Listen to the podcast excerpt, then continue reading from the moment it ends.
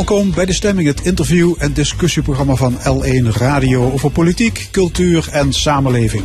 Rechtstreeks vanuit Café Forum in Maastricht. Wat kunt u de komende twee uur allemaal verwachten? Een voorbeschouwing van de landelijke actiedag van het ziekenhuispersoneel.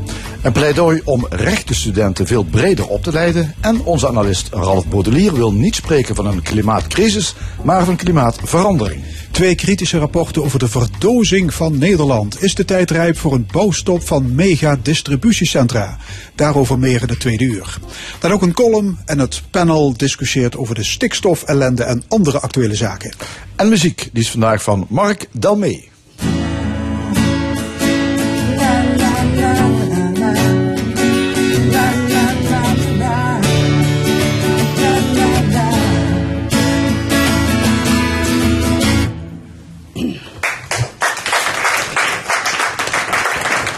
Na de boeren, de bouwers en de leraren gaan nu de ziekenhuismedewerkers actie voeren. Dat gebeurt woensdag.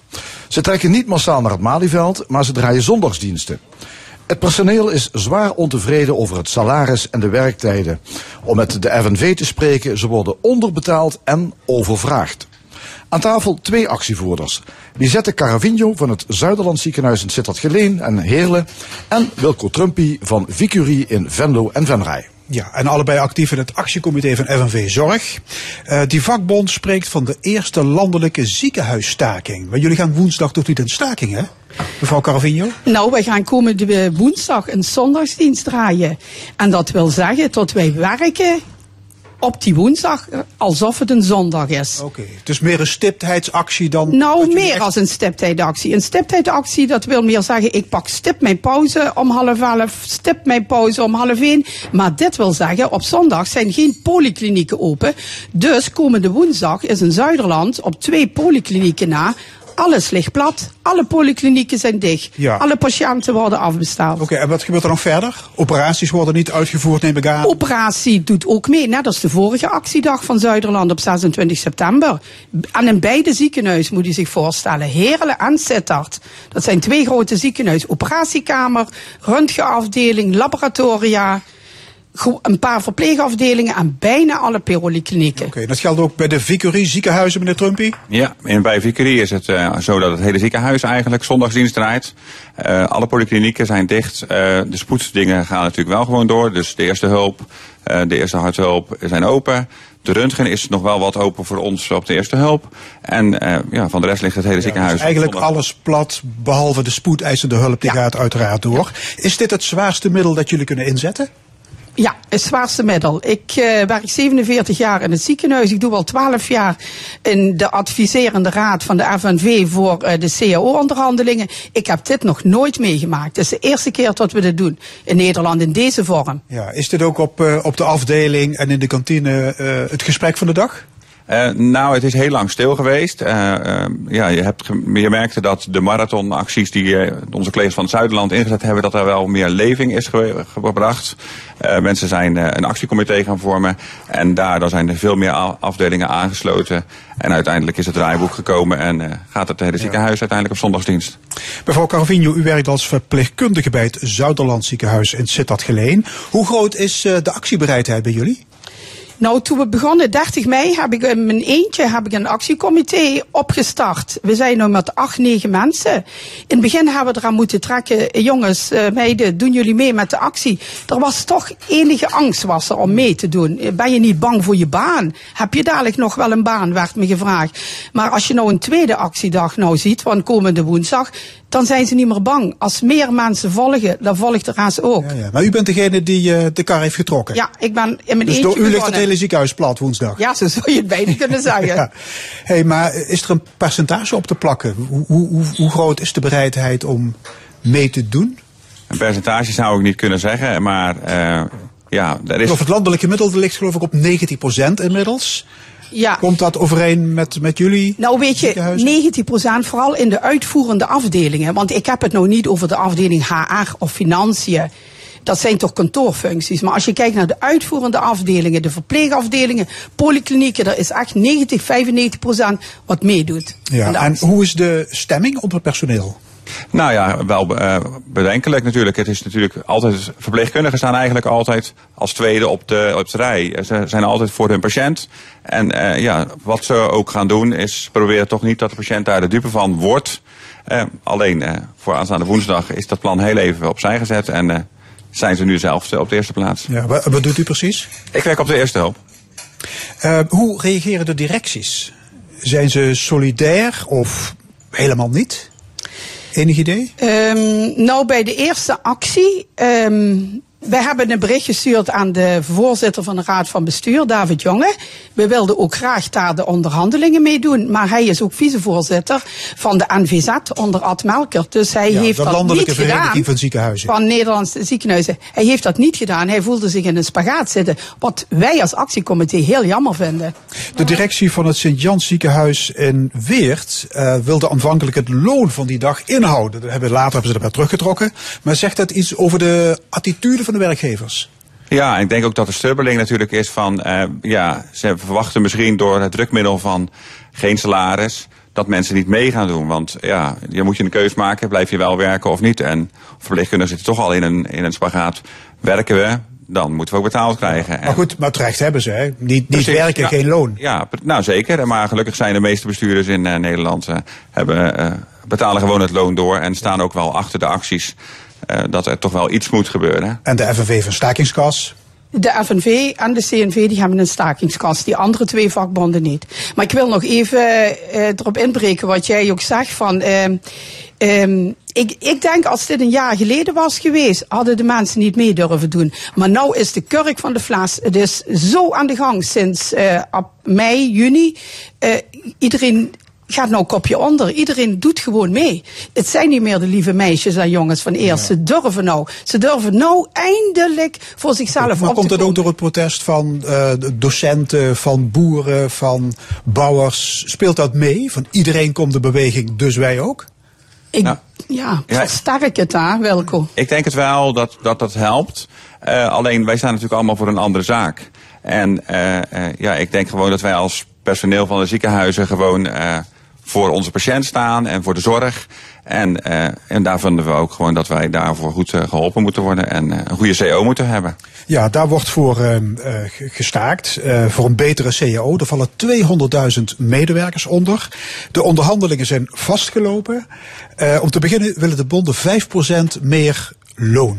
Is dat billig?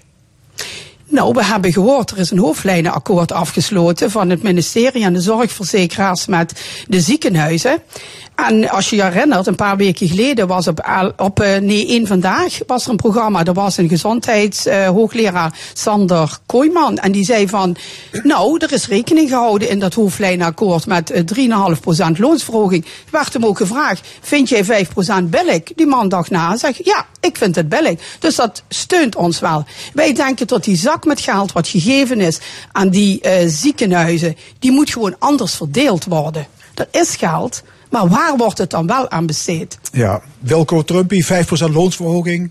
Dat ja, moet, maar moet te ik, doen zijn. Ik vind 5% niet eens het hoofddoel. Ik vind eigenlijk dat we veel meer nadruk moeten leggen op onze werkdruk. En uh, uh, ja, op alle andere dingen die er ook nodig ja, zijn. Ja, daar, kom ik, daar kom ik zo op. Ja. Maar kijken jullie ook naar het inkomen in andere branches? Ja, er wordt een vergelijking gemaakt. Maar Le we, leraren, ja, politieagenten. Ja, ja, die verdienen meer, bruto. Maar ja, is ook appels met peren vergelijken. We willen eigenlijk stoppen, dat zie je op Facebook ook veel. Ja, maar de leraren verdienen zoveel, de zorgmensen zoveel. Ga elkaar niet uh, duiven afschieten. Blijf bij je eigen beroepsgroep en kijk wat jij vindt dat daar nodig is. Mee eens? Helemaal. Goed, daarnaast willen jullie goede afspraken over werk- en rusttijden. Uh, mevrouw Carovinho, u werkt bij de afdeling hartbewaking. Draait u veel overuren?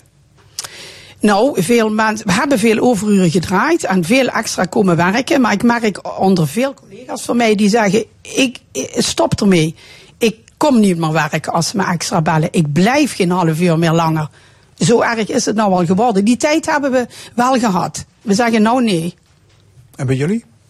Het valt bij ons met de overuren denk ik wel mee, maar je merkt gewoon dat er krapte is aan personeel. Dus als we rond zieken zijn, moeten we net zoals uh, die zet al zegt extra komen werken. En dan is het weer lastig om die uren terug te krijgen. Of je moet aan het eind van het jaar weer te horen dat je er iets anders mee moet gaan doen. En dat zorgt gewoon voor werkdruk. En zorgt ervoor dat je sneller overbelast raakt. En dat ja, is, kortom, het is flink aanpoten als ziekenhuismedewerker. Ja. En daardoor zijn werk en privé, of hoe heet dat? Ja, die zijn dan uit balans. Ja, zeker. Want je kunt ieder moment gebeld worden. Ik weet een paar weken geleden, ik had vrij. Net na die vorige actiedag op een maandag om tien uur s morgens. Ja, kun je vanavond laten dienst komen werken? Ik zeg, ja, ik ben doodmoe. Ik zeg, vind ik niet verantwoord om dan te gaan werken. Blijkt de dag daarna, even een jonge moeder van drie kinderen, een dubbele dienst gedraaid. Ja, voel je je dan niet schuldig, werd me gezegd. Dat jij nee zegt. Ja, zo wordt het onder elkaar ook nog uitgespeeld. En dat komt door het hoge personeelstekort. Hè? Vacatures worden moeizaam ingevuld. En, en daardoor moeten jullie flink in de bak. Ja, we krijgen steeds minder mensen naar bij ons. Ja, wij krijgen eigenlijk wel genoeg personeel. Maar uh, het personeel heeft gewoon uh, op een gegeven moment ook zoiets. Ik heb een contract van 24 uur, dan kom ik ook maar 24 uur. Ik heb daarnaast ook een privéleven. En dat privéleven en, en het ziekenhuis, die balans raakt, ja, is zoek. Is gewoon zoek. Je, als je 70% voor het ziekenhuis bent, heb je nog maar 30% privé. En je wilt uh, naar de sportschool, je hebt nog vrienden die je ook moet onderhouden, je gezin. En, en daar schort het nu denk ik wel aan. Maar waarom zijn jongeren zo moeilijk warm te maken voor een baan in de zorg? Nou, je merkt bij veel jongeren die zeggen van, ja, maar een weekend wil ik niet werken. Dan is mijn sociale leven, mijn vrienden, daar gebeuren de leuke dingen. Wil je die mensen toch binnenkrijgen voor de zorg en die weekenden werken, zul je er wel een behoorlijk salaris en een behoorlijk uh, onregelmatigheidstoeslag moeten zetten. Want dat weet ook niet iedereen, nog niet zelfs mijn collega's. Als jij een uurloon van bijvoorbeeld 25 euro zit, krijg jij een onregelmatigheidstoeslag van 13 euro per uur. Ja, dat is ook vreemd, hè? In bedrijfsleven krijg je gewoon je ORT van je echte uurloon. En dat is al jaren zo. Klopt het dat veel verpleegkundigen ontslag nemen om vervolgens te beginnen als ZZP'er? Ja, dat klopt. Vooral zie je het op de operatiekamers, misschien bij jullie in Venlo ook. Dat ze zeggen van, ja, ik stop ermee. Ik kan mijn uh, werk privé niet handelen. Ik ga als ZZP'er werken. Ik krijg in eerste instantie wat meer loon. Maar ja, je moet natuurlijk je belasting, je pensioenpremie afdragen. Maar ik kan zeggen, ik kom morgen niet, want dan heb ik iets privé. Je kunt je eigen diensten bepalen. En je hebt geen teambesprekingen meer. Nee. Uh... Je hoeft die, die administratie niet meer in te vullen, geen eindverantwoordelijkheid. Kortom, het heeft een heleboel voordelen ja. als je ZZP'er ja. bent. Ja, dat klopt. Ja, wij hebben niet zo heel veel ZZP'ers in het ziekenhuis. Ook niet op mijn afdeling, helemaal geen één eigenlijk meer. Um, maar je merkt wel gewoon dat mensen er wel over praten en over nadenken van wat voor voordelen. Ja, en de voordelen die Zet net allemaal noemt, dat zijn de voordelen. Maar er zitten voor mij ook wel nadelen aan dat ik denk van ja, ik wil graag bij een team horen. En, en dat is ook van belang. Dat je ergens voor staat. En dat je gewoon met de hart en nieren voor je werk uh, bent. Ja, het zou jullie ook ontbreken, ontbreken aan waardering en respect. Speelt dat mee in jullie beslissing om woensdag actie te gaan voeren? Ja, weet je, de, bestuurders zeggen wel, we waarderen jullie. Maar weet je wat ik altijd vind als verpleegkundige, echt op de werkvloer? Af en toe heb je ook eens een schouderklopje nodig. Of je er nou twee jaar werkt of veertig jaar werkt. En door de waan van de dag krijg je dat eigenlijk nooit, zelden. Maar u werkt al 47 jaar? Ja. Hoeveel schouderklopjes nou, heeft u gehad? Niet echt veel, in, gewoon in de waan van de dag. Ik vind het ook fijn, ik probeer er altijd aan te denken. Als we gewerkt hebben, om te zeggen, jongens, we hebben fijn gewerkt vandaag. Het was een leuke dag. Het is kleinigheid, kost helemaal geen euro. Goed, woensdag dus ja, actiedag in bijna alle Nederlandse ziekenhuizen. Hè, behalve bij de academische ziekenhuizen, maar die hebben een eigen CEO. Ja, gaat dit indruk maken? Gaan de werkgevers door de knieën? Wilco dat, Trumpy. Dat is, dat is natuurlijk de vraag of ze door de knieën heen gaan. Als, uh, uh, als ze zich zo opstellen zoals ze zich nu opstellen, dan vrees ik dat we nog een paar dagen extra nodig hebben om actie te gaan voeren. Maar uh, met de actiebereidheid, daar zal het niet aan liggen. Ik denk dat heel veel mensen in de zorg dat met heel veel liefde zullen doen. Nou, ik uh, las vanmorgen Skipper. Dat is een, uh, op internet een, een, blad wat ik altijd lees. En dat zeggen de, um, de NVZ, de Nederlandse Vereniging van Ziekenhuisdirecteuren, zegt... Dit, kost, dit grapje woensdag kost ons, alle ziekenhuizen, 30 tot 32 miljoen euro. Zo uh, souperen de vakbonden hun loonsverhoging op. Ik hmm. denk, wat loonsverhoging? We hebben die toch helemaal niet? Maar dat is stemmingmakerij, ja. ja. Maar klopt dat verhaal niet? Nou, dat, het zal wel zoveel. Acties heel veel schade toebrengen aan. Nou, het zal wel aantallijke miljoenen kosten. Dat wel. Maar ja, een staking gaat altijd van... Uh, van ja, dat is een pressiemiddel. Dat is ook de bedoeling.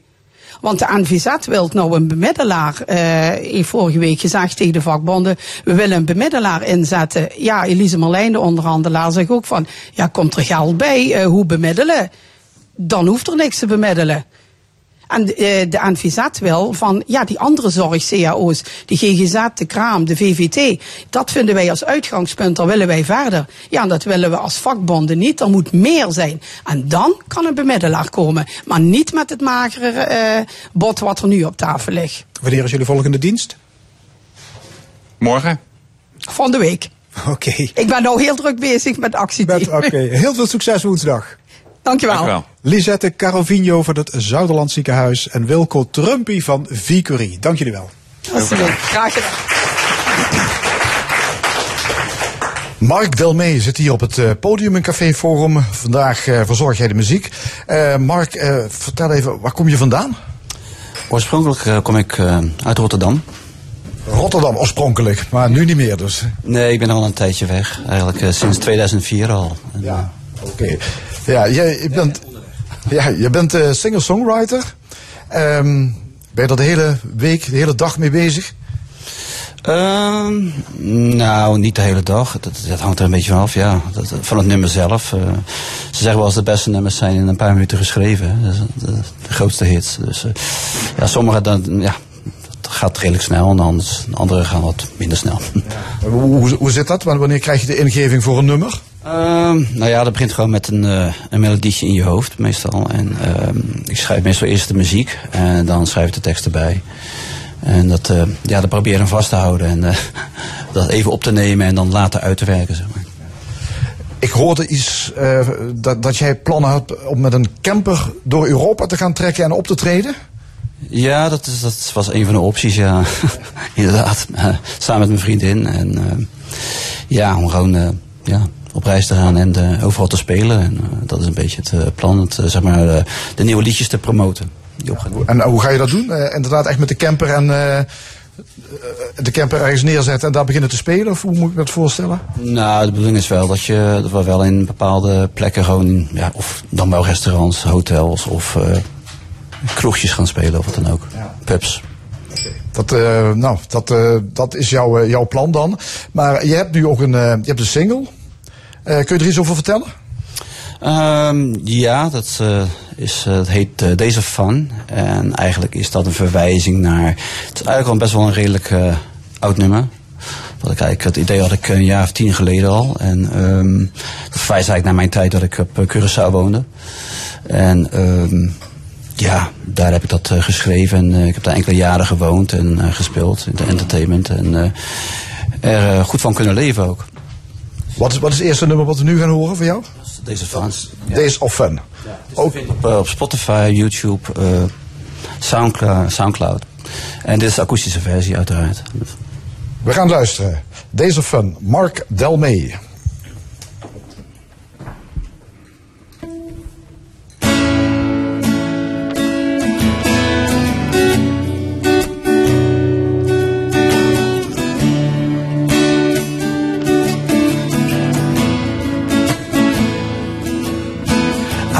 Go back into the days of fun where I don't have to look down the barrel of a gun, where my hands not tight, but I can roam free like a bird. Where I can touch your face for the very first time and I can taste your lips, then I make them all mine. Such a beautiful thing could never really erase my mind. I wanna comfort you with all of my mind. Then we dance our way through the middle of the night until we both break down and sleep the day away. Where we can find ourselves in this beautiful dream. May we never wake up from this awesome scene. Could this ever go wrong? Don't really ever wanna know. Then tell me why do I fear this moment? Why am I stuck on it? Oh, why does it wanna make me cry? Then tell me why am I part of it? Oh, why do I game on it? Oh, why does my heart get so confused? Ah, love you so well.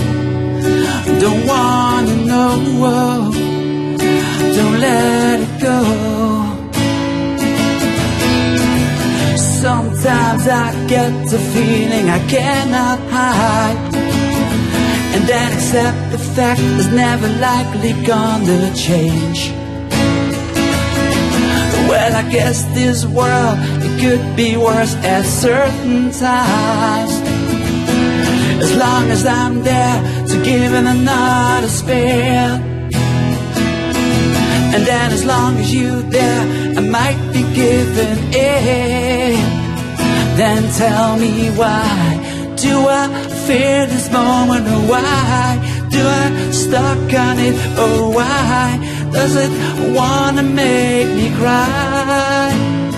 Then tell me why am I part of it? Oh why do I game on it? Oh why does my heart look so confused? Ah, love you so well. Don't wanna know. Don't let it go. Ah, you so. Don't wanna know. Don't let it go. I wanna go back into the days of fun where I don't have to look down the barrel of a gun and where my hands not tied but I could roam free like a bird.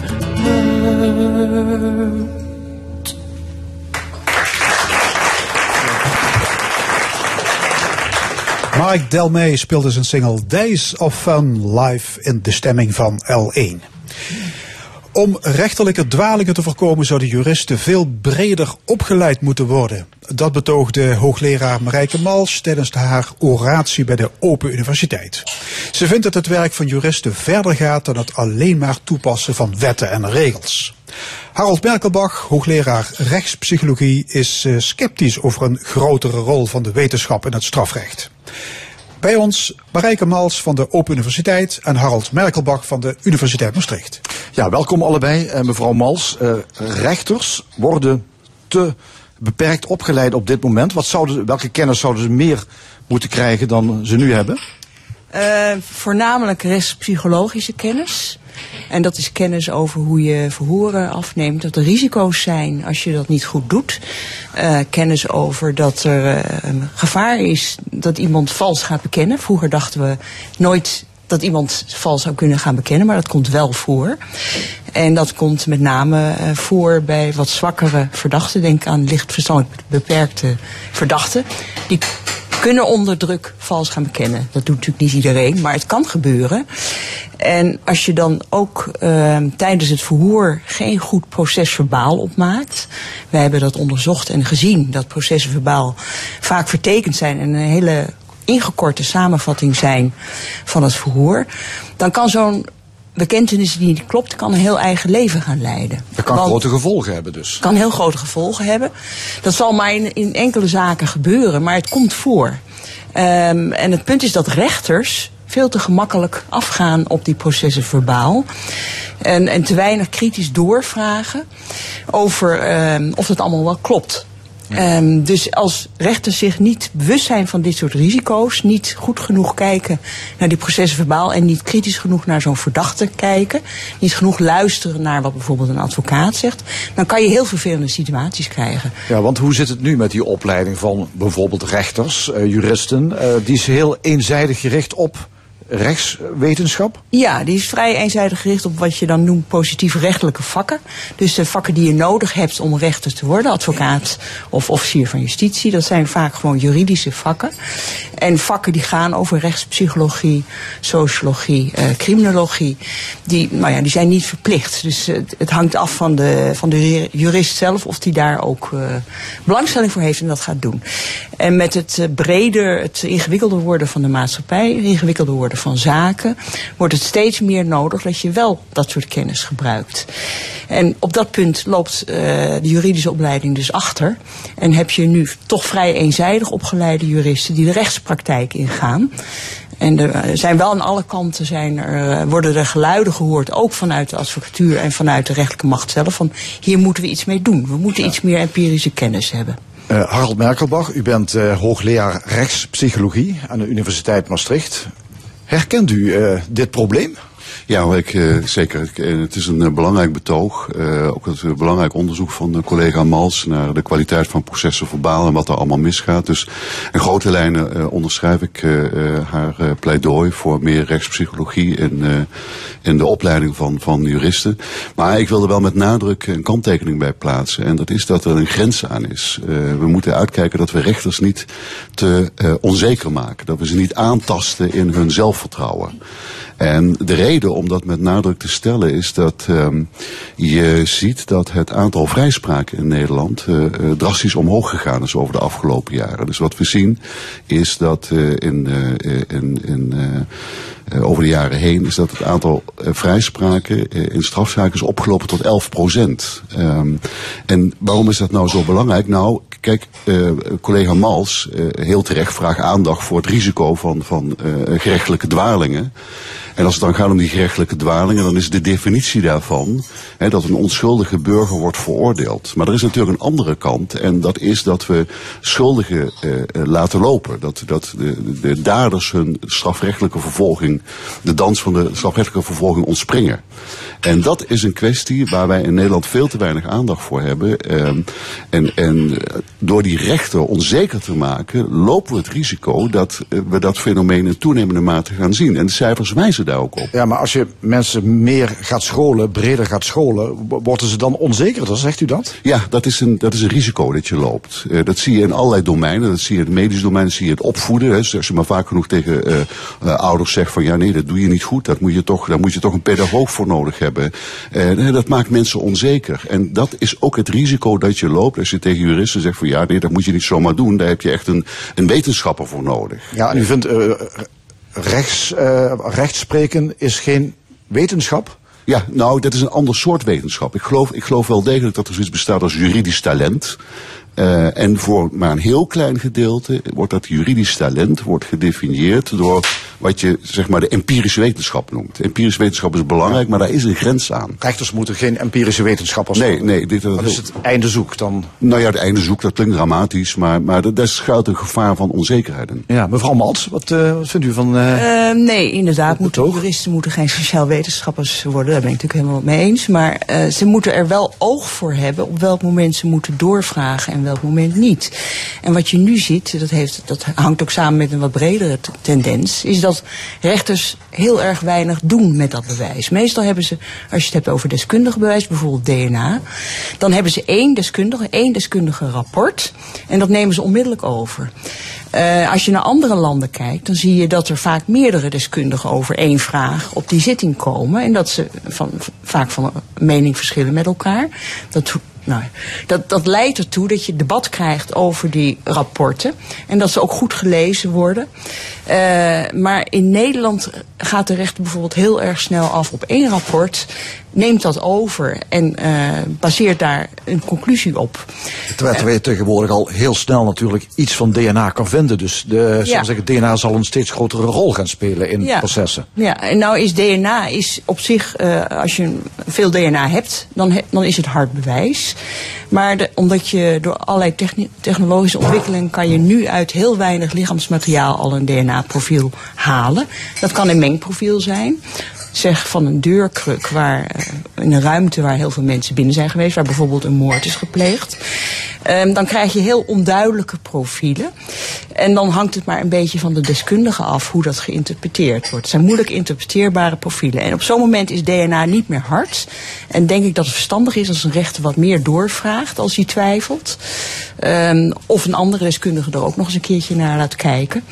En dat inzicht, dat je dat moet doen, dat DNA niet altijd hard is. En dat een getuigenverhoor niet altijd de waarheid hoeft te zijn. En dat een verdachte ook uh, vals kan gaan bekennen. Dat soort dingen zou een rechter goed moeten weten. En dat kan die ook weten zonder zelf een deskundige te worden. Ja. Dus die, er is echt een verbreding nodig van die opleiding van de rechter. Dat die zich bewust is en ook de stappen neemt die nodig zijn op zo'n moment. Ja, be- bewustwording, daar gaat het dus, dus om, eh, meneer Merkelbach. Dat, dat die rechter zich bewust is dat er meerdere visies zijn op een Ja, bepaald... maar uiteindelijk zal die rechter toch een beslissing moeten nemen.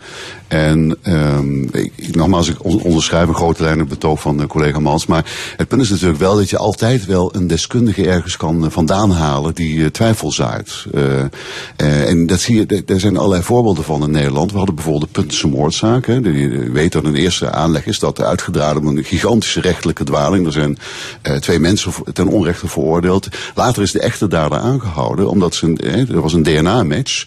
Eh, en, en toen was de advocaat toch in staat om ergens een, een, deskundige vandaan te halen. Die zei van, nou ja, dat is eigenlijk helemaal geen eh, eh, DNA-match van een dader met het slachtoffer. want de dader had een eh, geheime relatie met het slachtoffer. Dan krijg je dat soort verhalen. Dus je kan altijd wel ergens een deskundige vandaan halen die twijfel komt zaaien in de rechtszaal.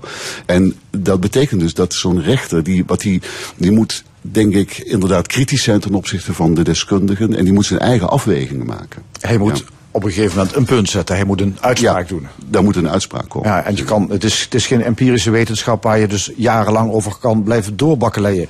De rechter moet een Nee, op besluit een gegeven nemen. moment moet de rechter een besluit nemen. Maar ik denk dat je dat beter kunt doen nadat je meerdere opties hebt bekeken. En ook nog eens een keertje een kritisch geluid hebt gehoord.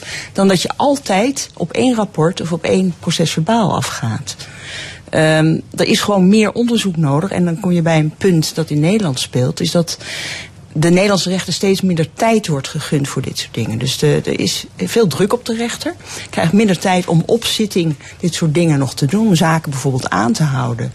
Als de rechter nog twijfelt, terecht vaak. Ehm, en dat zit een beetje in ons systeem gebakken. Dat we niet de goede kant uitgaan. Dus dat er steeds minder tijd komt. Minder mogelijkheden komt voor die rechter om het echt goed te onderzoeken. Ja, en daarmee kunnen dus mensen misschien wel onterecht. Ja, ik sluit ook niet uit dat, dat het toch eh, gebeurt, ja. Ja, dat is ja. natuurlijk vreselijk ernstig. Dat is een, het is natuurlijk heel ernstig als mensen ten onrechte worden vrijgesproken. Eh, maar ik vind het nog erger als mensen ten onrechte veroordeeld worden... en dan twintig jaar in een cel zitten. Ja. En dat is in het verleden wel gebeurd. Nee, nee, dat is zeker waar. Dat is verleden gebeurd. Eh, eh, maar nogmaals, ik denk de, de omvang van het aantal daders dat de dans weet te omspringen, dat is een gigantisch veelvoud van het aantal eh, mensen maar dat is dat onderzocht op die manier? Daar zijn allerlei indicaties voor. Dus alleen maar, we, hebben in Nederland hebben we op jaarbasis ongeveer 4 miljoen delicten. Ja. Een miljoen daarvan eindigt als aangifte bij de politie. Ja. Eh, de- alleen al dat getal. Hè, dus, dus, eh, eh, dat betekent dus dat er heel wat, van heel wat delicten wordt niet eens aangifte gedaan. Van die, dat miljoen, daar wordt ongeveer een 100.000 wordt gedagvaard. 100.000 verdachten die worden gedagvaard. En van die 100.000 worden er dan weer 20.000 vrijheidsstraffen opgelegd. Als je kijkt naar die verhoudingen, dan is de ijzeren consequentie daarvan dat in Nederland groot gedeelte van de daders de dans te ontspringen.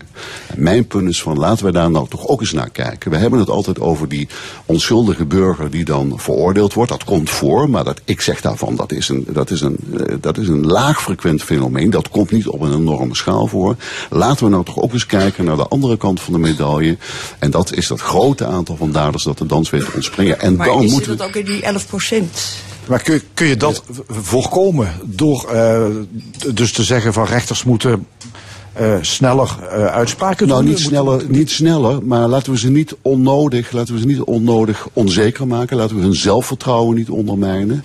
Ehm, laten we, kijk, we- weet je, want er gebeuren nog allerlei andere dingen. Hè. Wij zeggen bijvoorbeeld ook tegen die rechters van ja, eh, jullie moeten klare taal gebruiken. Hè. Tot aan de Hoge Raad zegt de, de president van de, de president van de Hoge Raad zegt van jullie moeten eens k- klare taal gaan gebruiken. Ehm, dat is ook weer zo'n zo'n eis die we dan aan rechters stellen. En als je dat doet, dan loop je het risico dat als zo'n rechter ge- geconfronteerd wordt met moeilijk bewijs, hè, dat zich maar lastig in klare taal laat uitdrukken, dat hij zegt van nou weet je wat, ik kom tot een vrijspraak. En er zijn allerlei voorbeelden in Nederland. Eh, de, de, de voormalige rechter Groot heeft daar eh, een heel boekje over geschreven. Allerlei eh, voorbeelden in Nederland van zaken met stevige bewijs tegen een verdachte. Dat weliswaar complex was, maar waarbij die rechter toch zo twijfelde, aan het twijfelen gebracht werd, dat hij dacht van laat ik maar vrijspreken. Spreken. Ja, dus dat, is een, dat zou een, een consequentie kunnen zijn, eh, eh, mevrouw Mals. Eh, als je die rechter nog meer, nog met, van nog meer kennis gaat voorzien, dat er straks veel meer daders nog vrij rondlopen. Want, want hij weet het gewoon niet dat meer, zou begrijp kunnen, maar ik ik denk dat dat een golfbeweging is. Ik denk dat wat, wat Harold Merkelbach zegt, dat dat klopt. Dat op een gegeven moment dat mensen te snel, rechters te snel zijn gaan vrijspreken. Maar volgens mij gaat die beweging ook wel weer Ja, terug. Maar als je die rechter van nog maar meer kennis gaat voorzien, allemaal nieuwe inzichten, Ja. dan weet hij het niet meer. En ik kan me voorstellen dat er dan dus nou, hij moet dan rond- weten op welk moment hij eh, toch wat meer informatie, wat beter die zaak moet onderzoeken dan die op dat moment heeft gedaan. En natuurlijk kom je op een gegeven moment op een moment dat je die beslissing moet nemen. Ja, dat moet je dan zo goed mogelijk doen, zo goed mogelijk motiveren.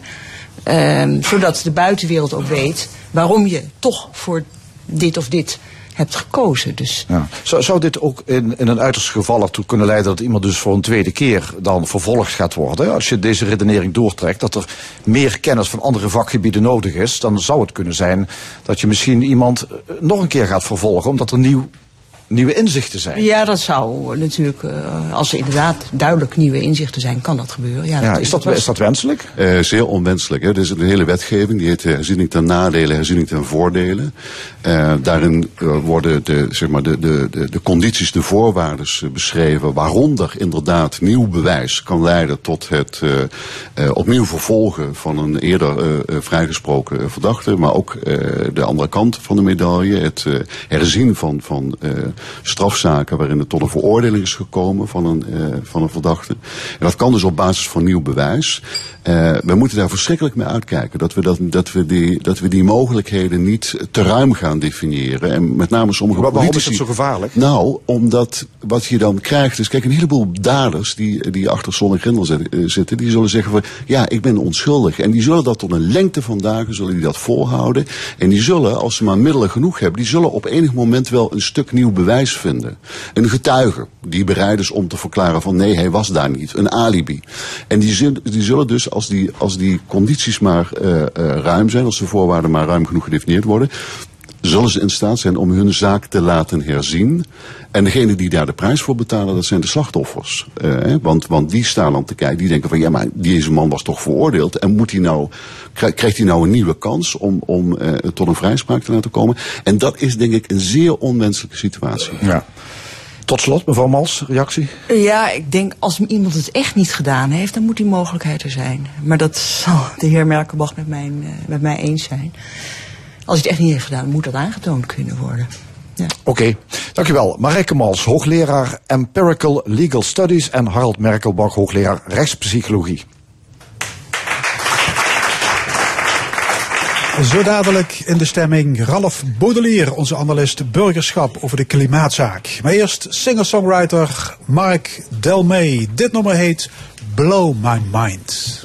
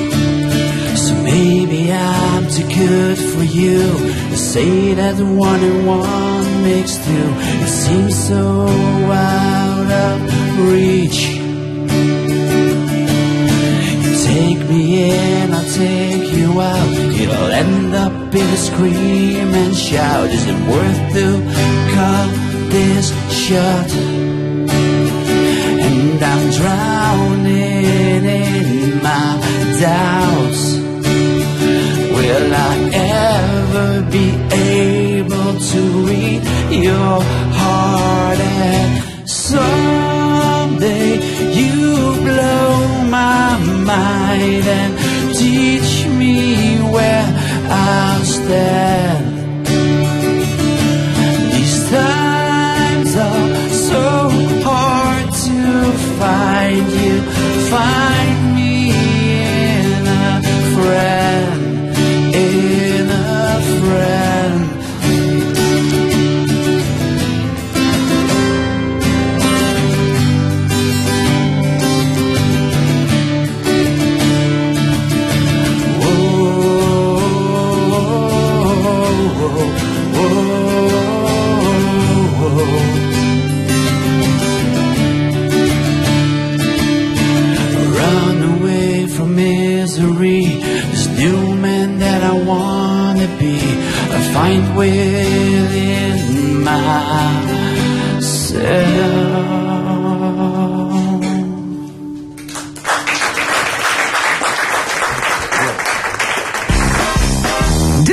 Analist.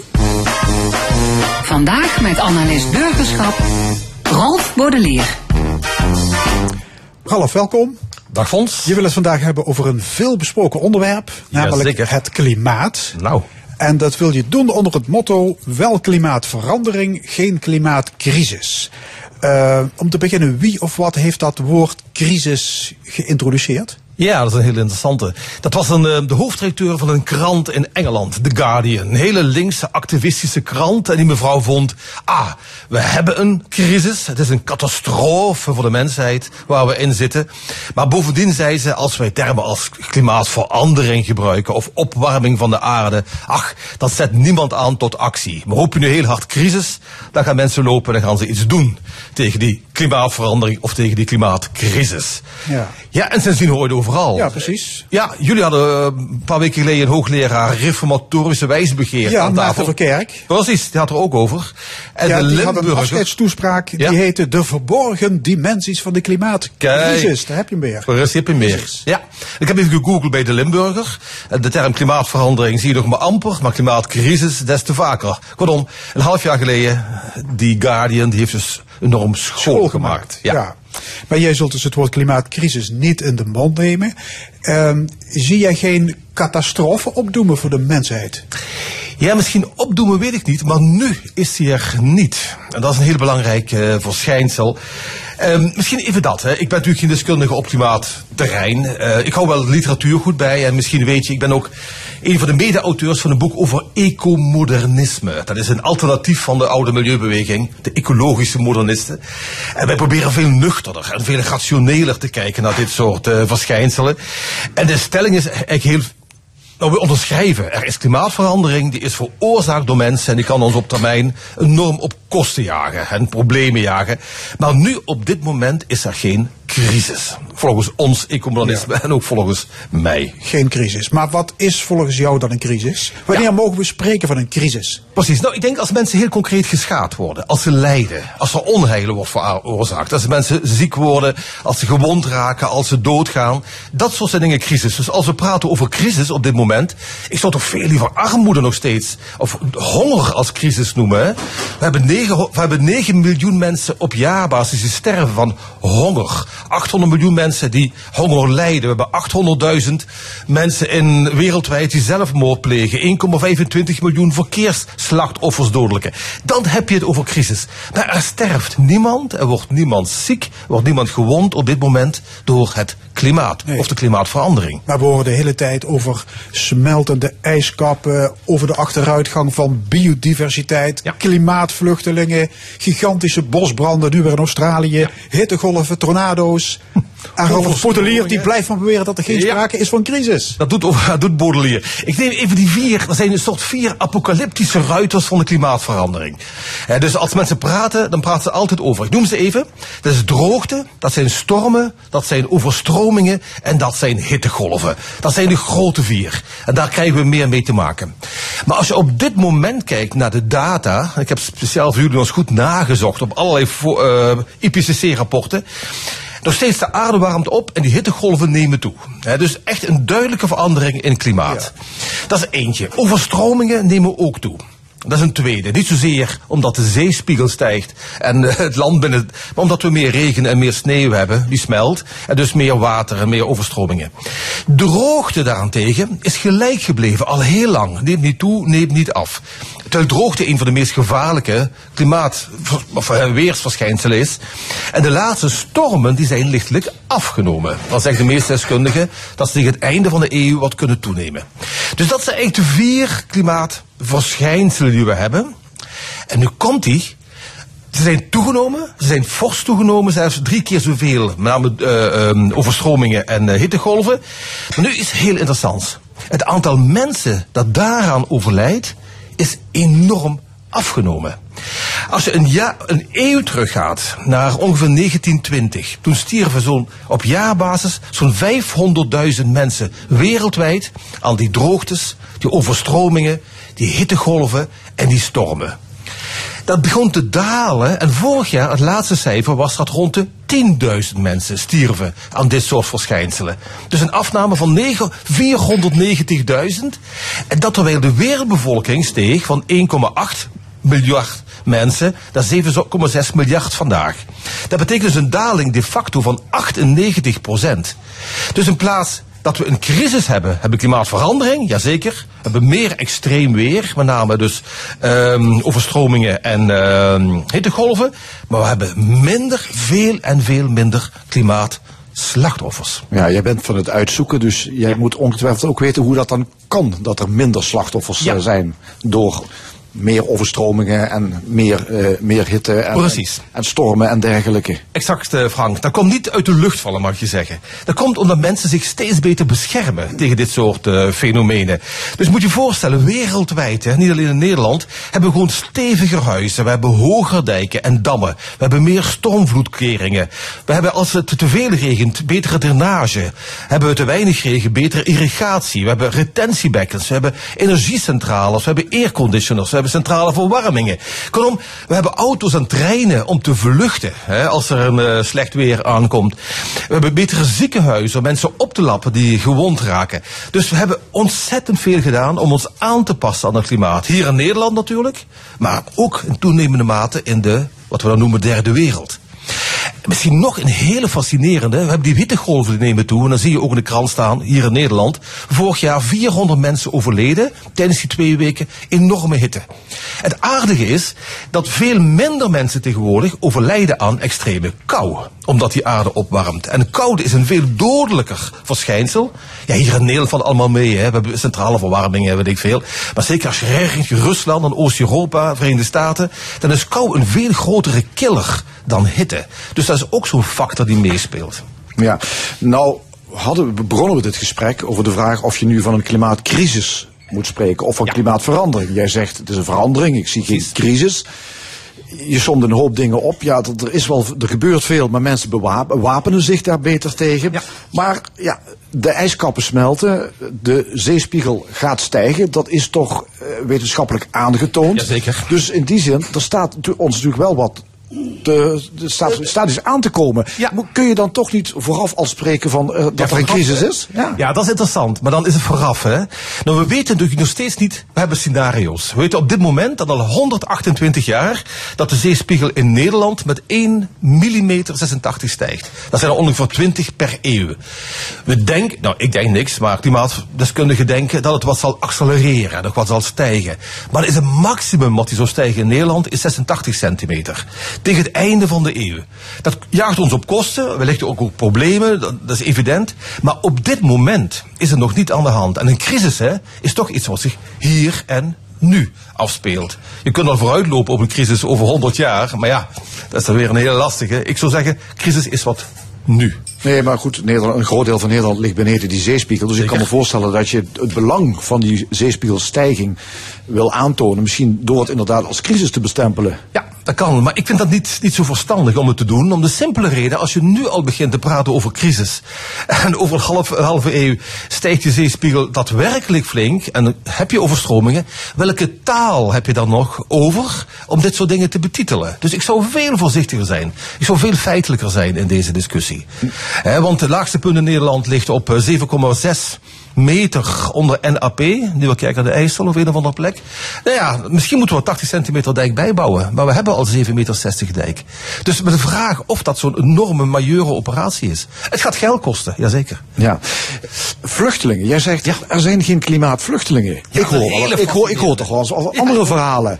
Ik hoor het doorlopend, eh Fons. Maar het punt is, de Verenigde Natie had in 2005 een rapport wat enorm spraakmakend was. Een rapport zei, in 2010 hebben we 50 miljoen klimaatvluchtelingen.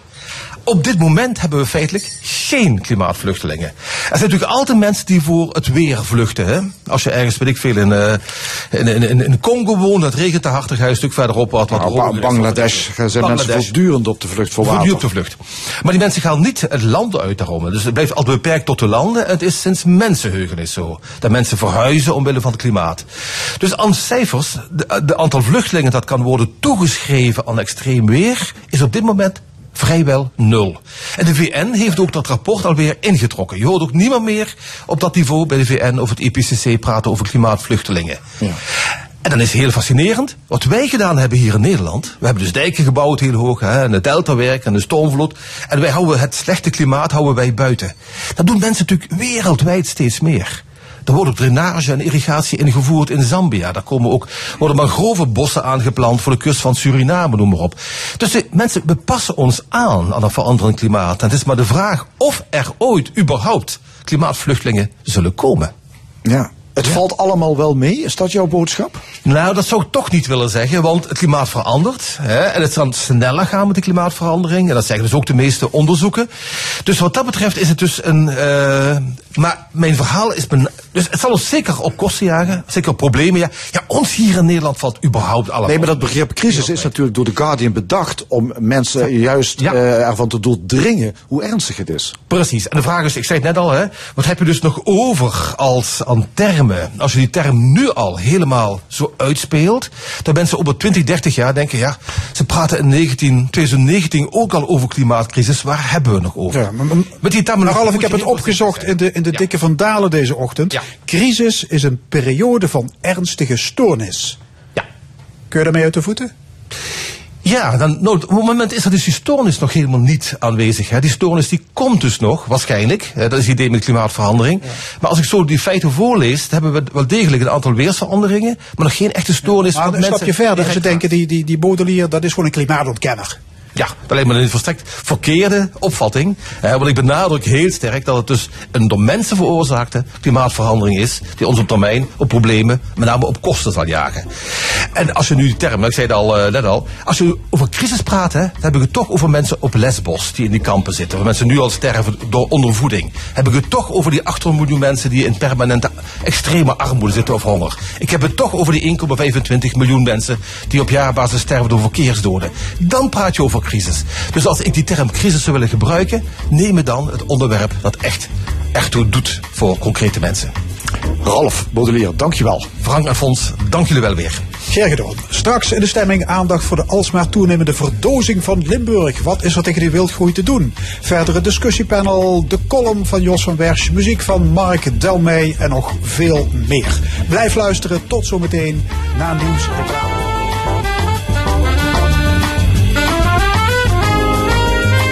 Stemming. Met Frank Ruber en Fons Geraerts. Opnieuw welkom bij De Stemming, het interview- en discussieprogramma van L1 Radio vanuit Café Forum in Maastricht. En wat allemaal nog in de tweede en laatste uur.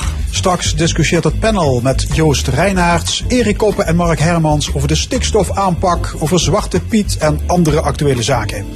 Een column van Jos van Wersch over Johan Cruijff en Thijs H. Muziek van Mark Delmey, maar eerst de verdozing van Limburg. Dat is een onderwerp waar we in de stemming al vaker aandacht aan hebben besteed. Want de bouw van grote distributiecentra in het landschap blijft maar doorgaan, ook in Limburg. Onlangs verschenen twee kritische rapporten over de wildgroei aan bedrijfshallen. Eerst het van het College van Rijksadviseurs en deze week van het Planbureau voor de Leefomgeving.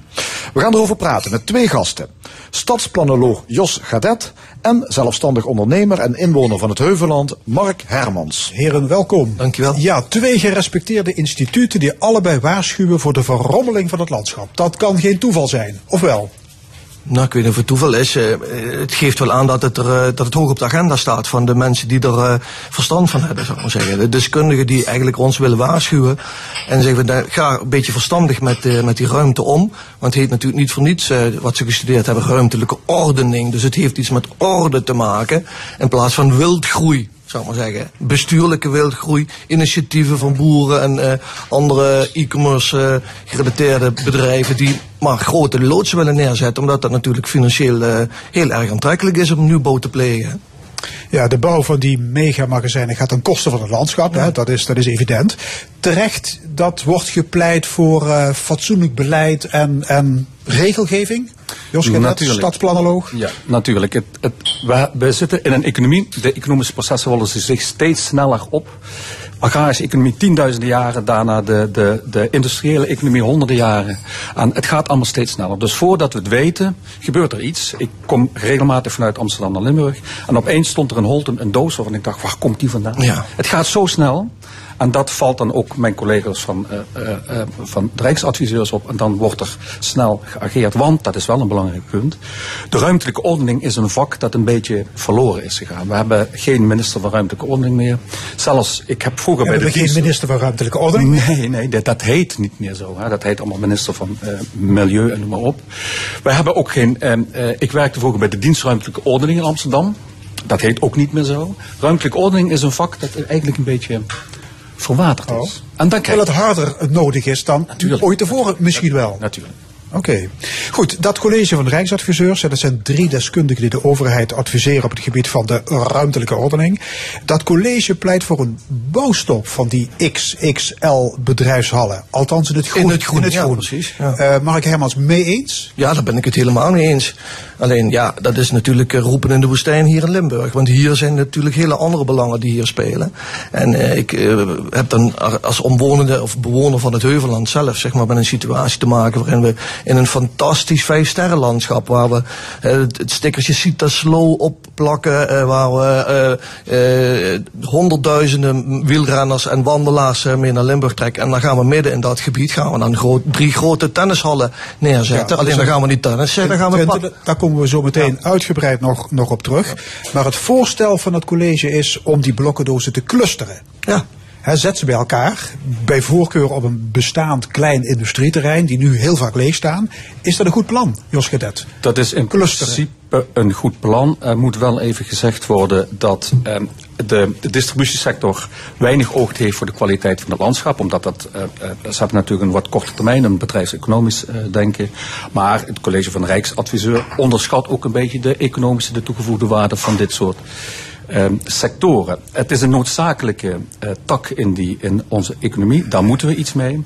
En daar moeten we heel goed ruimtelijk ordenen. Dus je zegt logistiek is goed voor de economie, het, het is ook booming business. Is en dat is de reden waarom dat, dat Het is een wordt gefaciliteerd. Het is een noodzakelijke tak in die hele eh, economische keten. Dus we moeten ergens een manier van dozen ergens neerzetten. Dus het levert werkgelegenheid op. Dus het levert sowieso werkgelegenheid op, maar je bent iets te snel eh, met mijn, eh, om een woorden te... eh, je moet wel kijken wat is nou het effect op het landschap. En als je dan naar Limburg kijkt, dan is het landschap zo'n belangrijk economisch element, vooral in het Mergeland, dat je wel tien keer achter je oren moet krabbelen, wil je daar eh, gaan interveneren wat betreft die dozen. Maar je ziet ook eigenlijk die dozen met name langs de A2, zeg maar langs de, de, hè, de, de, de grote eh, ja, eh, toegangswegen, zie je die eigenlijk verschijnen. Want daar lagen vroeger allemaal wegen en daar liggen nu allemaal grote bedrijventerreinen in principe. hè. Ja, ja. En wat is bovendien de economisch toegevoegde waarde? Ik geloof dat 80% van de, van die mensen die er werken, dat zijn Polen. Nou, wat, dat wat schiet je dan, en wat die hebben ook een baan. Ehm, Orderpickers. hè, in de e-commerce. Nee, kijk, over die toegevoegde waarde eh, is het CBS ook heel eh, dubbelzinnig. Eén tak van de CBS zegt die is marginaal, een andere tak zegt nou als je allemaal die banen erbij optelt dan is het wel behoorlijk wat. Eh, maar het is een noodzakelijke sector. Als we die eruit trekken, dan ja, stort onze economie is natuurlijk weer een wat groot woord. Maar er, er moeten dingen verplaatst worden. Dat wil niet zeggen dat je niet moet nadenken over hoe je die optimaal inzet. Een van eh, wat net op de tafel kwam dat je eh, eh, eh, be- bedrijventerreinen ervoor moet gebruiken. Dat zou heel gunstig zijn, dat zou heel kansrijk zijn. Maar in de grote steden, Maastricht, maar ook in Amsterdam bijvoorbeeld, dan zie je dat juist die bedrijventerreinen aan of in de stad gebruikt worden voor gemengd wonen-werken functies. Ook dat is niet altijd een oplossing. Is, dit is een heel belangrijk vraagstuk en dat verdient landelijk, landelijke regie, regionale regie. En zeker niet alleingang van de gemeentes. Ja, die distributiecentra die nemen ook veel ja, ruimte in beslag. Ruimte die toch al schaars is. Hoe, hoe erg is dat? Ja, weet je, het is allemaal een kwestie van keuzes maken. Kijk, eh, als er iets niet is en daarna is er iets wel, ja, dan is dat daarna een gegeven waarvan je na een maand alweer aan gewend bent dat er zo'n grote doos staat.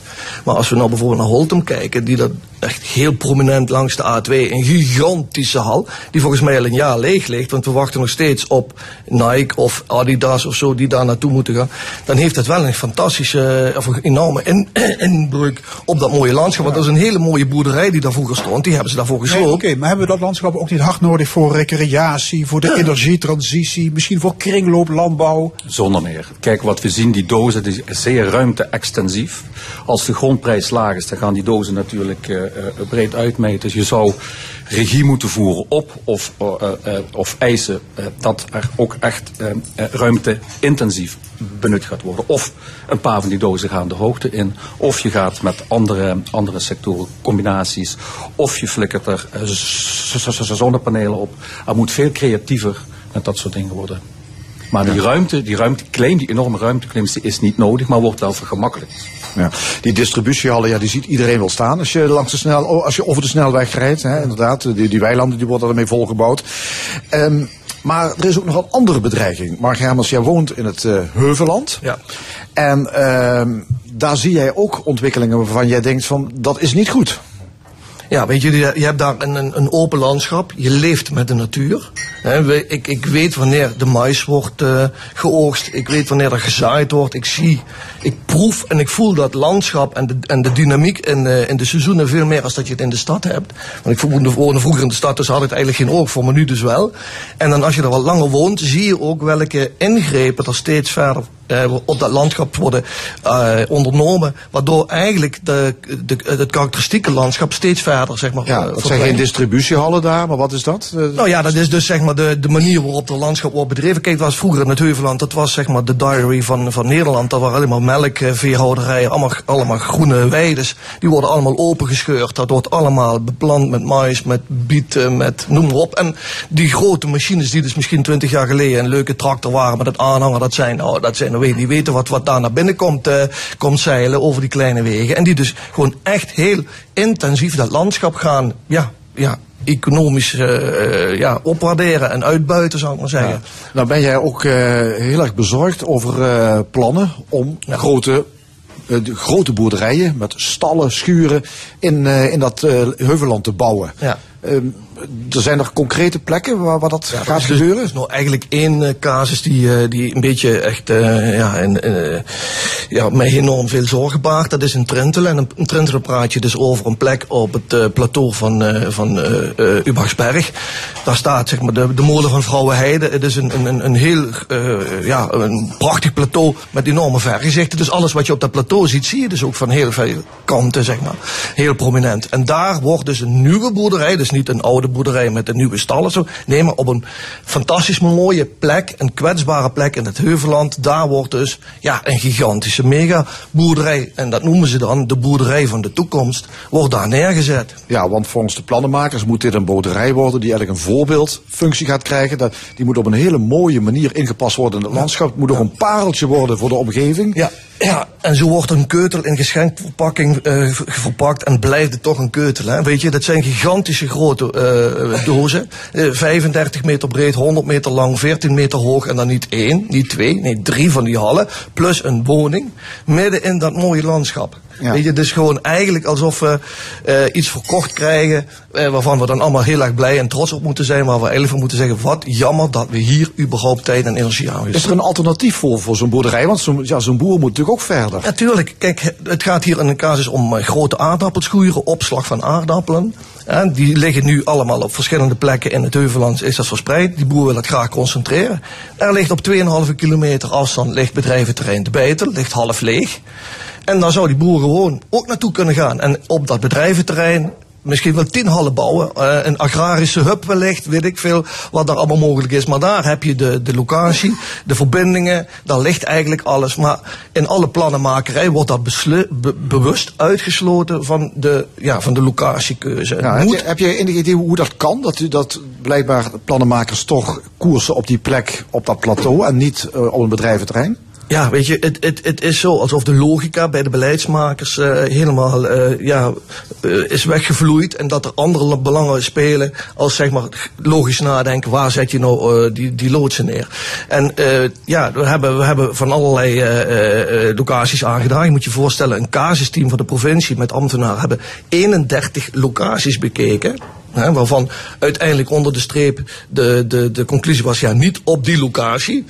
Maar bestuurlijk is er, eh, ja, zijn er krachten in het spel die zeggen, ja, dan toch maar daar. Goed lobbywerk blijkbaar Ja, van de ik boer. denk, dat, eh, denk dat hij gewoon met de tractor niet door de voordeur, maar door de achterdeur naar binnen is gereden. Ja, deze week kwam het Planbureau voor de Leefomgeving met het rapport Zorg voor Landschap. Eh, daarin staat te lezen dat het landschap de afgelopen 30 jaar sterk is veranderd. Door woningbouw, door distributiecentra, zonneparken, windmolens. En de druk op het landschap zal de komende jaren verder toenemen. Jos Gadet, stadsplanoloog, hoe alarmerend is dat? Dat is alarmerend in de zin dat er veel claims op de ruimte komen. Maar het hoort ook een beetje bij de ontwikkeling van eh, de hedendaagse economie. Ehm, daarom moeten we, en ik wil nogmaals een warm pleidooi houden voor ruimtelijke ordening in de meest brede zin, goed nadenken hoe we de ruimte gaan ordenen. Eh, er zijn, en dat was, vind ik het mooie aan het, ehm, ehm, aan het rapport van de Rijksadviseurs, een aantal hele goede ideeën daarover. Clustering, eh, multifunctioneel gebruik, noem maar op. Eén foutje maken ze. Ja, sorry. Nee, maar dat, dat planbureau zegt, het landschap is vaak de sluitpost.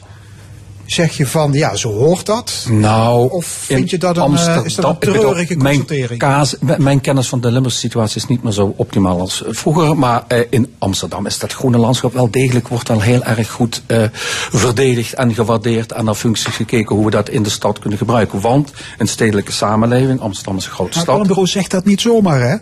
vaak de sluitpost. Nee, maar het is niet altijd zo. En in de, in, daar, daarom zeg ik in Amsterdam, waar heel veel lobby op.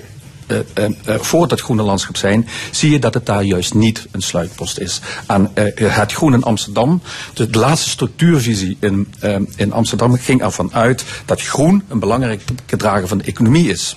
Dus dat groen wel degelijk een hele Ja, belangrijke... maar ik geloof dat ze het gouvernement hier in Maastricht er wel iets anders over denken. maar goed, in dat Heuvel, rapport... Heuveland denken ze er anders over. Ja, tuurlijk. Ja, in het rapport wordt trouwens gepleit voor een landschapstoets. Bouwplannen die moeten worden beoordeeld op schade die aan het landschap wordt toegebracht. Ja. Reactie, Ja, Mark weet je, kijk, ik, ik, ik, ik, ik lees het allemaal, ik hoor het allemaal, maar ik zie hier dus nu in de praktijk van mijn eigen leefomgeving dat ondanks alle plannen, alle beschermingsgebieden, ambtenaren die zeggen nee, niet in dat kwetsbare gebied bouwen, bestuurlijk er toch wordt voor gekozen om daar zo'n ja, drie tennishallen te bouwen. En dan vraag ik me af, ja, eh, zouden we die bestuurders dus allemaal liever op een cursus moeten sturen? Of moeten die eens allemaal die plannen nog eens een keer in, in dit eh, postvakje krijgen om dat nog eens even te bestuderen? Hoe kan het dat je, als je de keuze moet maken, eh, als beleidsmaker, daar toch gewoon helemaal de fout in gaat? En dan ook nog ongestraft? Ja, maar het bestemmingsplan zal het wel mogelijk maken, neem ik aan. Ja. Anders, anders ben je fout. Ja, maar in, in, deze casus is het heel leuk. Moet je je eens voorstellen, de gemeente die gaat daarover een bestemmingsplan. En Hier is een brief van eh, GS aan de eh, burgemeester en wethouders van, van Wittem uitgegaan, Gulpen Wittem uitgegaan. En gezegd, ja luister, wij zijn eigenlijk wel voor dat bouwplan. Ik, zou graag van jullie schriftelijk een besluit willen hebben dat jullie daar ook eh, mee instemmen. En dan geven wij 40.000 subsidie, zodat die architect een mooie, mooie boer, boerderij van de toekomst kan bouwen.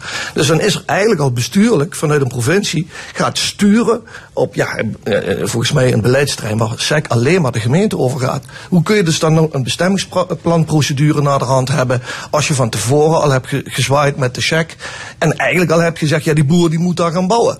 Ik kan dat echt niet bij. Dat eh, Planbureau voor de Leefomgeving stelt voor om rond onze nationale parken, zoals Limburg de Mijnweg en de Maasduinen, om, om een schil aan te leggen.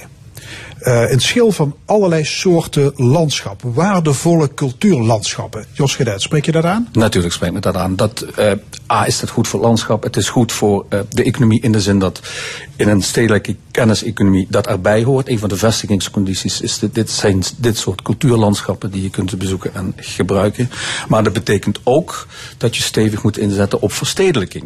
En dat je ook, en dat doet bijvoorbeeld eh, eh, de Rijksadviseur iets minder, dat je dan ook echt stevig moet inzetten op verdichting van steden. En dan daarbuiten, het buitengebied, sterk beschermen. Ja, maar is het aanleggen van die schillen wel niet in strijd met eh, ja, het, het voornemen om het aantal Natura 2000 gebieden weer in te krimpen?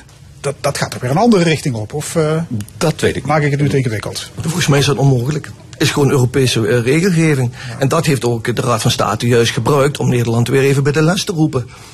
En wij hebben die, als, die natuurgebieden, die Natura 2000 gebieden, zijn door de regering aangedragen bij de, bij, eh, op basis van die habitatrichtlijn bij, eh, bij, de, bij de Europese overheden. Dus die hebben een status, die kunnen we niet zomaar even zeggen, ja weet je, pas ons nou even niet, laten we er maar eh 50 uit de, uit de boeken schrappen. Maar mogen we van dit kabinet, kabinet Rutte 3, een landschapsinclusief omgevingsbeleid verwachten? Oeh, ja, ik zou het niet weten eerlijk gezegd. Ik hoop het van wel. Ik verwacht sowieso niet zoveel van dat kabinet, maar dat geeft even niet meer uit. Maar, eh, Wilde ik al niet zeggen. Nee, maar eh, eh, eh, nee, daar, het, het zou wel moeten, maar dan nogmaals, lands, landschapsinclusief betekent ook wel sterk inzetten op verstedelijking. En niet het uit laten dijen van steden en dorpen. Dus je bedoelt eigenlijk het veel beter scherper uh, veel, veel scherper dan. Ook in Limburg? Ook in Limburg, zeker in Limburg. Er zijn dus twee, eh, eh, twee stevige rapporten verschenen met kritiek op eh, die bedrijfshallen die overal verrijzen. Eh, Mark Hermans, jij maakt je druk daarover in het, eh, in het Heuveland. Maar toch heb ik de indruk dat er niet heel veel eh, protest is tegen deze ontwikkelingen. Hoe kan dat? Nou, het gebeurt opeens, hè? Ik bedoel, wat ik net zei, van opeens zie je die dingen dus, het, het gaat zo snel dat voordat mensen doorhebben wat er eh, gebeurt. Ehm, en nu zie je, nu, nu, nu al, al heel veel ontwikkelingen gaande zijn, nu zie je wel maatschappelijk protest komen. Eh, Is het er inderdaad? Want ik, ik merk er nog weinig van. nou, je leest toch wel, eh, ik heb ook de voorbereiding hier op deze bijeenkomst toch wel even wat rondgelezen. Maar je ziet steeds meer protest komen tegen dit soort, eh, ook voor sommigen onbegrijpelijke ruimtevrijheid. Maar weet je, Het probleem is in het landschap, en zeker in het Heuvelland waar we nu over praten, is lege ruimte. En er wordt altijd gezegd, ja, waarom, waar bemoei jij je mee? Eh, alsof dat landschap niet van ons is, alsof je daar dus niks van mag, mag zeggen of wa- van weten, omdat je niet toevallig de buurman bent die er last van heeft of eh, waardedaling aan het pand. Maar gewoon het algemene, dat landschap wat ons voedt, wat ons inspireert, wat onze ziel als het ware voedt. Hè? En waar we blij van worden, daar mogen wij toch van, als burgers wat van vinden. Ik Ja. bedoel, eh, ja, de vraag is eh, welke kant het op gaat. VVD-gedeputeerde Joost van der Akker die zei dit voorjaar hier aan deze tafel dat, dat die distributiesector die zal blijven groeien. Als wij de goederen niet verwerken, zei hij, dan zal een ander het gaan doen over de grens. En dat geld kunnen we maar beter hier in Limburg verdienen. Ja. Kijk, ik, snap, ik snap heel goed dat, de, dat er heel veel eh, te verdienen valt aan, eh, en zeker het hele e-commerce verhaal. Maar goed, ehm, eh, we zien, we zien de, de, de vliegvelden rondom Beek, waar Beek al voor 1 euro te koop is. Wezel staat nu randje faillissement. Ik bedoel, het verschuift allemaal en het zijn allemaal fantastische folders die we hebben gezien. En waar we, als we gaan kijken, wat is nou eigenlijk de economische nut van al die activiteiten, blijkt dat bijzonder tegen te vallen. Hè, we- eh, zeker de vliegvelden enzovoort. Hè. Overschatten we die distributiesector dan wellicht? Nou weet je, he- wij willen allemaal eh, binnen 24 uur onze laptop geleverd hebben. Hè? En dat kan maar op één manier door allemaal die spullen op diverse plekken in Nederland neer te leggen. Zodat ze met kleine autootjes snel bij jou thuis komen. Dus die hele e-commerce wereld zorgt ervoor dat die distributie op deze manier moet worden ingericht. Want wij als consumenten willen graag eh, first day delivery hebben. Dus en de daar burger is zelf een groot deel debet aan die wildgroei van die megamagazijnen. Het kan niet Dat Dat is zo, die die e-commerce, dat, dat, dat, dat groeit ook ontzettend eh, eh, sterk. Maar ik denk zelf, maar dat is een beetje in de toekomst kijken, dat op het moment dat dat zo sterk gaat groeien, heb je allemaal afhaalplekken nodig. En uiteindelijk worden die afhaalplekken plekken in de stad, winkels, waar je gewoon naartoe gaat. Ja, maar als we dan, const, eh, ja, als we dan concluderen dat die loodsen er toch gaan komen. Hoe zou je het dan eh, het beste kunnen aanpakken? Kijk, we overschatten wellicht de toegevoegde waarde van die distributiesector.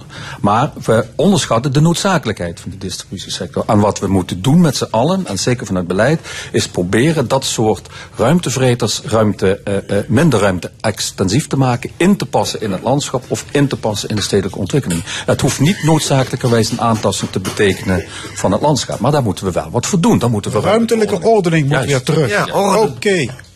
Goed zo, hartelijk dank. Stadsgeograaf Jos Gadet en zelfstandig ondernemer Mark Hermans. Dank jullie zeer. Ja, en hier op het eh, podium, Café Forum, zit hij weer klaar met eh, gitaar in de aanslag. Mark Delmee. We gaan luisteren naar Lost in Rock and Roll.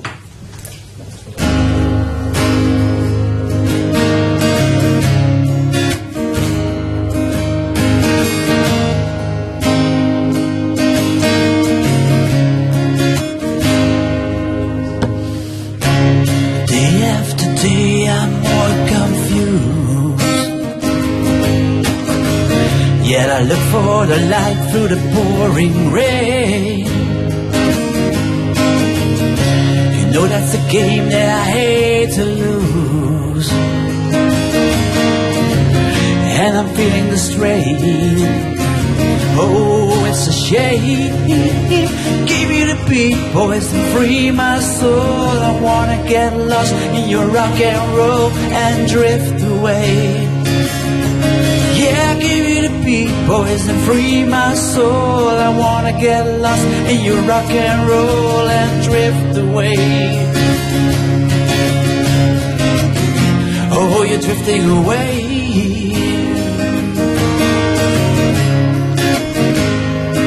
Ah.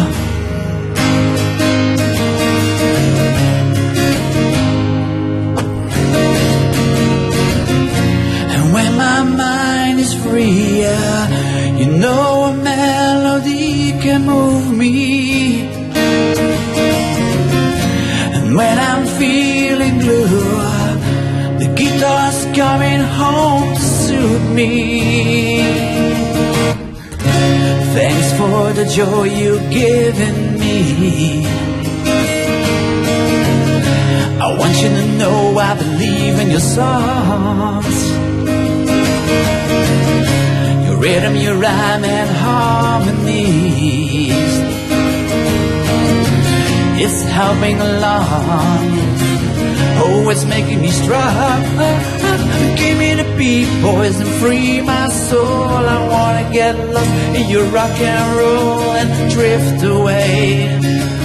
Yeah, give me the beat, boys, and free my soul. I wanna get lost in your rock and roll and drift away. Oh, you're drifting away. Ah.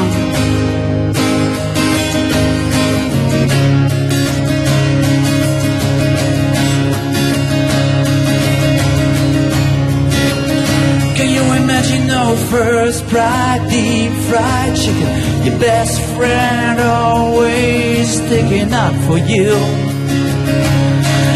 Even when I know you're wrong, can you imagine no first dance, deep fried romance? The five hour phone conversation, the best soul letter that you ever had in me.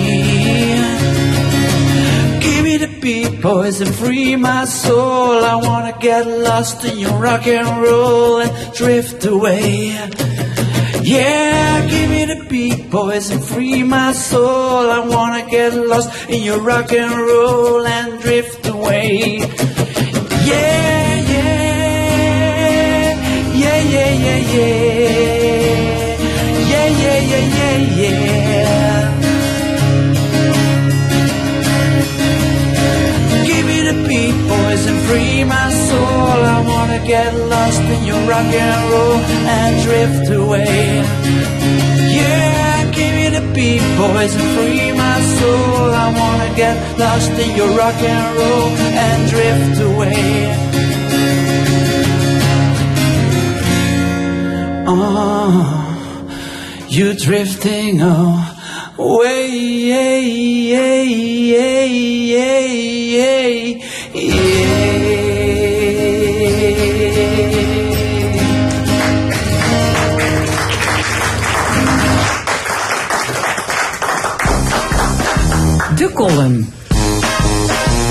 Vandaag met Jos van Wersch.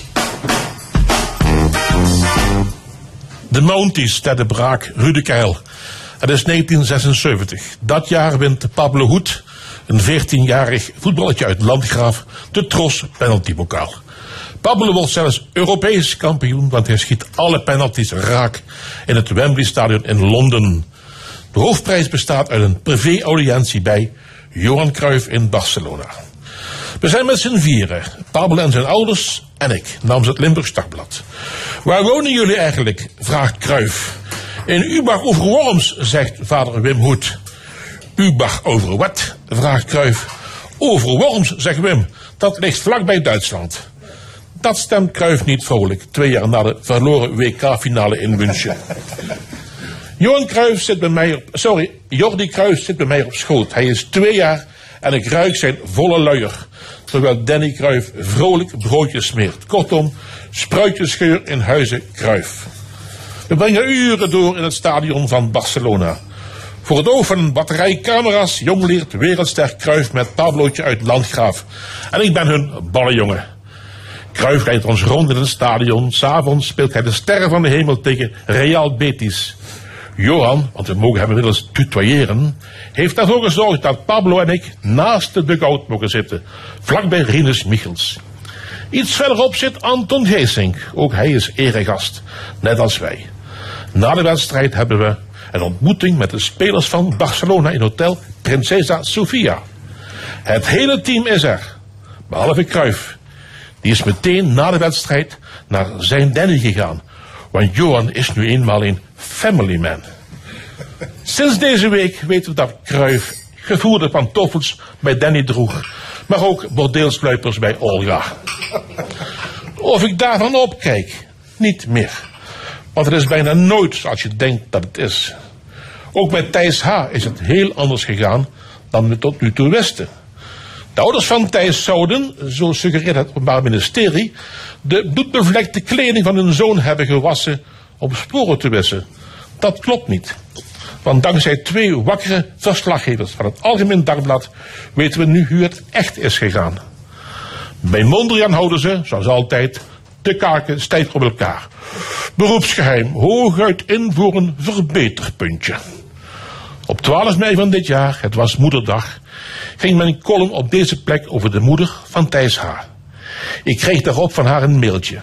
Wat ze mij naar aanleiding van die column destijds schreef, snapte ik op dat moment nog niet. Nu wel. Omdat het, niet alleen bij Kruif, vaak heel anders in elkaar zit dan je dacht te weten.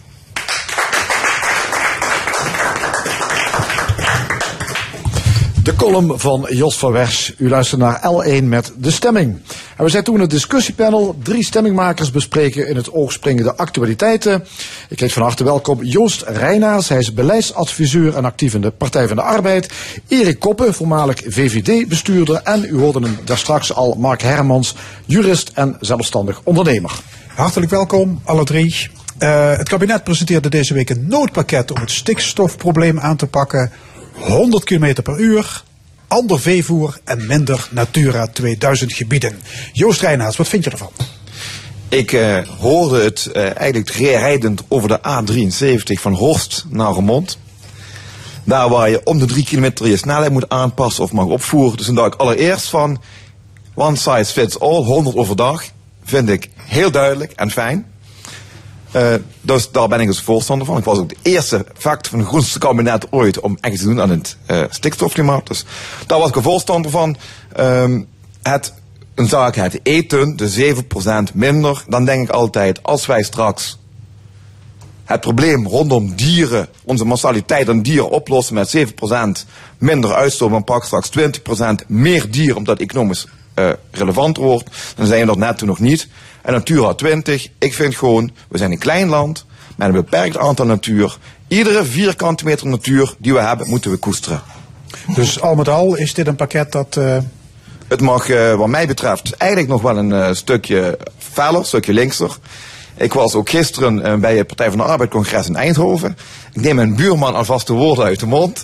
Eh, en daar is ook een motie aangenomen waarvan iemand eigenlijk de strekking was. Eigenlijk moeten we nog wat strenger zijn. En men deed het voorstel om onder andere eh, vlakbij natuurgebieden en op de ringweg langs de steden 80 km per uur te rijden. En eh, ik sta er zeer wel in te- tegenover. Ja, maar goed, de oppositiepartijen, de Tweede Kamer, vinden het te weinig en te laat. Erik Koppen, zijn dit druppels op een gloeiende plaat? Ja, druppels op een gloeiende plaat. Ik, kijk, de, het eerste punt van, van de kilometers bijvoorbeeld. Eh, wij worden in het buitenland gewoon uitgelachen. Ik was afgelopen week in Polen in een, op een conferentie. En daar werd een stukje voorgelezen uit de Nederlandse krant. En dat ging over de Vroom Vroom partij. En dan moet je voorstellen, daar rijden 7000 elektrische auto's rond in Polen. In Nederland zijn er dat 150.000. Maar in Polen hebben ze daarnaast nog 20.000 vervuilende diesels. Voor een groot deel ook nog afkomstig uit Nederland. Want alle auto's die hier worden afgevoerd en verscheept, gaan voor een groot deel naar Polen. En als je nou weet dat 40% van alle rotzooi hier uit het buitenland komt, omdat Nederland heel laag ligt en de winden over Nederland heen gaan en alle rotzooi in Nederland laten vallen, denk ik dat de discussie helemaal verkeerd is. Ik zou zelfs zover willen gaan om de handtekening onder dat akkoord uit te halen, omdat de uitgangspunten van dat klimaatakkoord voor Nederland volstrekt ongeschikt zijn. Men heeft het met de beste bedoelingen getekend, maar achteraf gezien is er sprake van voortschrijdend inzicht. Wat we niet moeten doen is dit land kapot maken, omdat wij met heel veel mensen heel effectief op een klein stukje grond leven. Maar op En- welke manier wordt dit land eh, kapot gemaakt? Nou, kapot gemaakt in andere landen. eh, een land als Polen is vier keer zo groot, heeft twee keer zoveel inwoners. ehm, en is veel makkelijker in staat om die klimaatdoelstellingen te halen dan Nederland. En Nederland, waar bovendien heel veel uit het buitenland komt. En ik kan me herinneren, ooit heeft Ingrid Muis, toen het ging om het vervuilde Maaswater. Oud fractievoorzitter VVD, Provinciale VVD Staten. Provinciale Staten ooit gezegd van moeten we nou in IJsden, moeten we daar nou een, een zuiveringsinstallatie gaan bouwen om de Maas schoon te krijgen? Of kunnen we in de plaats van die 1,2 miljard, was dat toen beraamd in guldens nog, moeten we dat geld niet beter investeren stroomopwaarts waar de rotzooi in het water wordt geduwd, bijvoorbeeld in Frankrijk of in België? Ja, ik, ik, ik, die hele discussies met die kilometers, hè, dat is natuurlijk wel een, een, krachtig signaal. Ik bedoel, dat is wel iets van, we zetten letterlijk eens even de voet op de rem. Alleen ik moet je even zeggen, als je over buitenland praat, mijn, eh, mijn kinderen wilden niet meer naar Noorwegen, want dan mag je maar 80 kilometer per uur rijden. En dan zeg je, ja pap, dan kunnen we niet doorrijden daar. Hè, maar we zijn toch, hebben toch die stap gewaagd. En na echt twee, drie uurtjes weet je niet beter dat je 80 kilometer rijdt. En dan rijdt het hele land, en dat is eh, echt, eh, ik weet niet hoeveel eh, Tesla's daar rondrijden. Volgens mij hebben de diesels vanaf 2022 al niet meer überhaupt. Maar kun je maar niet meer kopen. Is daar iedereen aan gewend? Het is, eh, het is kwestie van wat we in ons hoofd hebben, dat we per se moeten doorrijden. Maar als je dus inderdaad ziet dat je daar heel te weer op de rem weer 100, weer 130 en zo. En de kans op een fikse boete. Ja, die hebben ook wel eens gehad. Ja, dus, eh, dus een beetje, beetje meedoezelen bij L1 en op een keer dan heb je weer een 90 euro prentje. Kijk, hier gaat het erom dat we met z'n allen stappen moeten maken. En ik denk dat dat kilometerverhaal, dat is de eerste stap. Maar we hebben 141 miljoen dieren in Nederland. Hè? 141 miljoen. We hebben voor die 16 miljoen Nederlanders hebben we reinigingsinstallaties. Maar dus onze stront wordt helemaal gezuiverd. Maar die 141 miljoen varkens, kippen en, en, en dat rijden we allemaal over het land uit. Omdat wij denken dat dat de beste manier is. Het is zo heel raar dat we daar zo over denken. Joost Reinaerts. Ja, dat, dat wil ik aan ook zeggen. Je kunt natuurlijk wel denken, we zijn heel erg modern. Wij creëren het nieuws van het nieuwste voedsel. Daarmee halen we 7% reductie op, het- op het uitlaatgassen van koeien, zal ik maar even zeggen. Maar we nemen straks, omdat dat economisch rendabeler is, wel 20% meer koeien. Dan hebben we onderstreep nog steeds een probleem. Ik ben het wel met Erik Koppen eens. Dat je zegt, goh, Nederland is een vrij klein land. Ik vind ook wel, wie ben een shit, men moet er eigen stoep keren. Dus Nederland heeft een eigen verantwoordelijkheid. Maar het is natuurlijk inderdaad wel zo natuurlijk dat elders onze buren, hè, België met de Maas zoals jij refereerde, of het Roergebied met stikstof, neerslag geven Nederland. Dat toont wel aan dat Nederland te klein is om alleen op te lossen.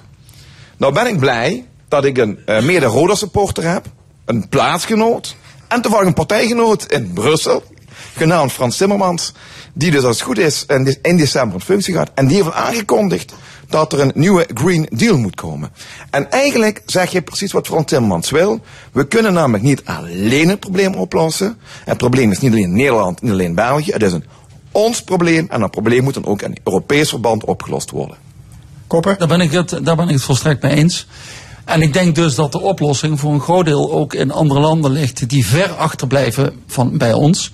Ehm, en dat betekent dat je daar met veel minder investeringen eh, veel meer effect kan sorteren. Daarmee zeg ik niet dat wij niets moeten doen, maar we moeten ons niet gek maken met z'n allen. Wij moeten de, de bouw in Nederland niet stilleggen om dit soort dingen. Er zijn heel veel maatregelen te nemen die positief effect hebben, moeten we ook zeker doen. Maar er zijn ook maatregelen die zo ver gaan dat ze ons qua concurrentiepositie met het buitenland alleen maar verder verslechteren. Maar Erik, nou, nou vraag ik gewoon voor jou als, eh, als liberaal, als VVD'er.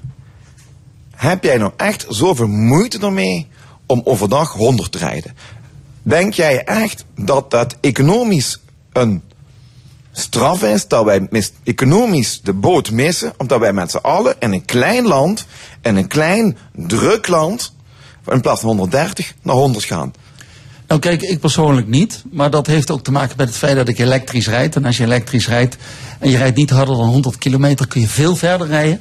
Dat is net als met benzine, dan dat je het gaspedaal indrukt.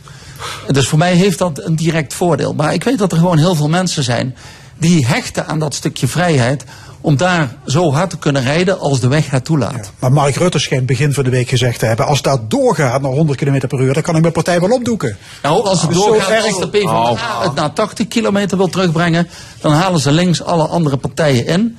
Eh, ja, ik denk dat je daar toen straks op doelde. Ehm, en, en zover zou ik zeker niet willen gaan. Ik zeg niet dat we dit soort stappen niet moeten maken, maar we moeten oppassen dat we de stappen niet zo groot maken dat daardoor de hele bevolking in opstand komt. Want als de bevolking daardoor heel anders gaat stemmen en op partijen gaat stemmen die hier echt afstand van nemen. komt toch bijna niemand in opstand? Nee, maar dat- een paar ik- mensen die gaan demonstreren. Nou, ik moet Ja, zeggen, voor mijn gevoel, in alle eerlijkheid, eh, is dit, eh zal maar zeggen, in de woorden van Rutte te refereren, de grootste crisis in negen jaar premierschap, kan ik niet onderschrijven. Volgens mij vinden heel veel mensen het niet erg. En als mensen zeggen, dan gaan we lekker in Duitsland hard rijden, want dan mag het wel.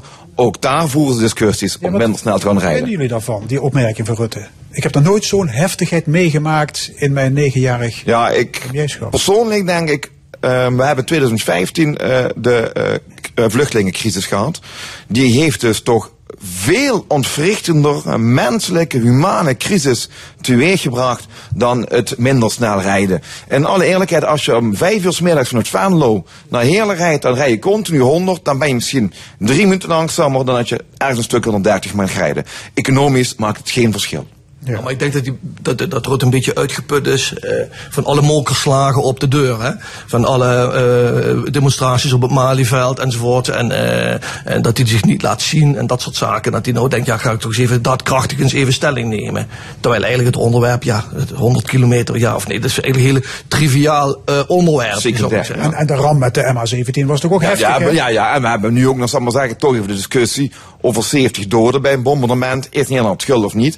Vind ik veel diepgaandere iets discussies dan eh, minder snel rijden. Oké, nog één ding. Er is een uitruil gemaakt in de coalitie. De VVD gaat akkoord met verlaging van de maximumsnelheid. Maar er moet het mes in het aantal beschermde natuurgebieden. Hele- Wat hele- vinden jullie van die politieke Helemaal eens. eh, Helemaal deal? eens. Ik hoorde net, eh, ik hoorde. Joost al aangeven Eens dat met, met, met, met dat besluit. Ik ben het er mee eens dat er veel minder moeten komen. Kijk, we vergeet niet, we hebben 13% van Nederland is bebouwd. Dat lijkt weinig, want dat betekent dat 85% niet bebouwd is. Maar het is wel bijna allemaal gecultiveerd. Maar we hebben de minste natuur van heel Europa. Nee, we hebben niet de minste natuur, dat is, dat is ook niet waar. Eh, eh, als je naar de eh, percentage kijkt, hebben we juist heel veel beschermde natuur. Want in het buitenland namelijk is veel groter, landen zijn veel groter met veel minder inwoners. En daar leidt het aanwijzen van een beschermd gebied tot veel minder problemen.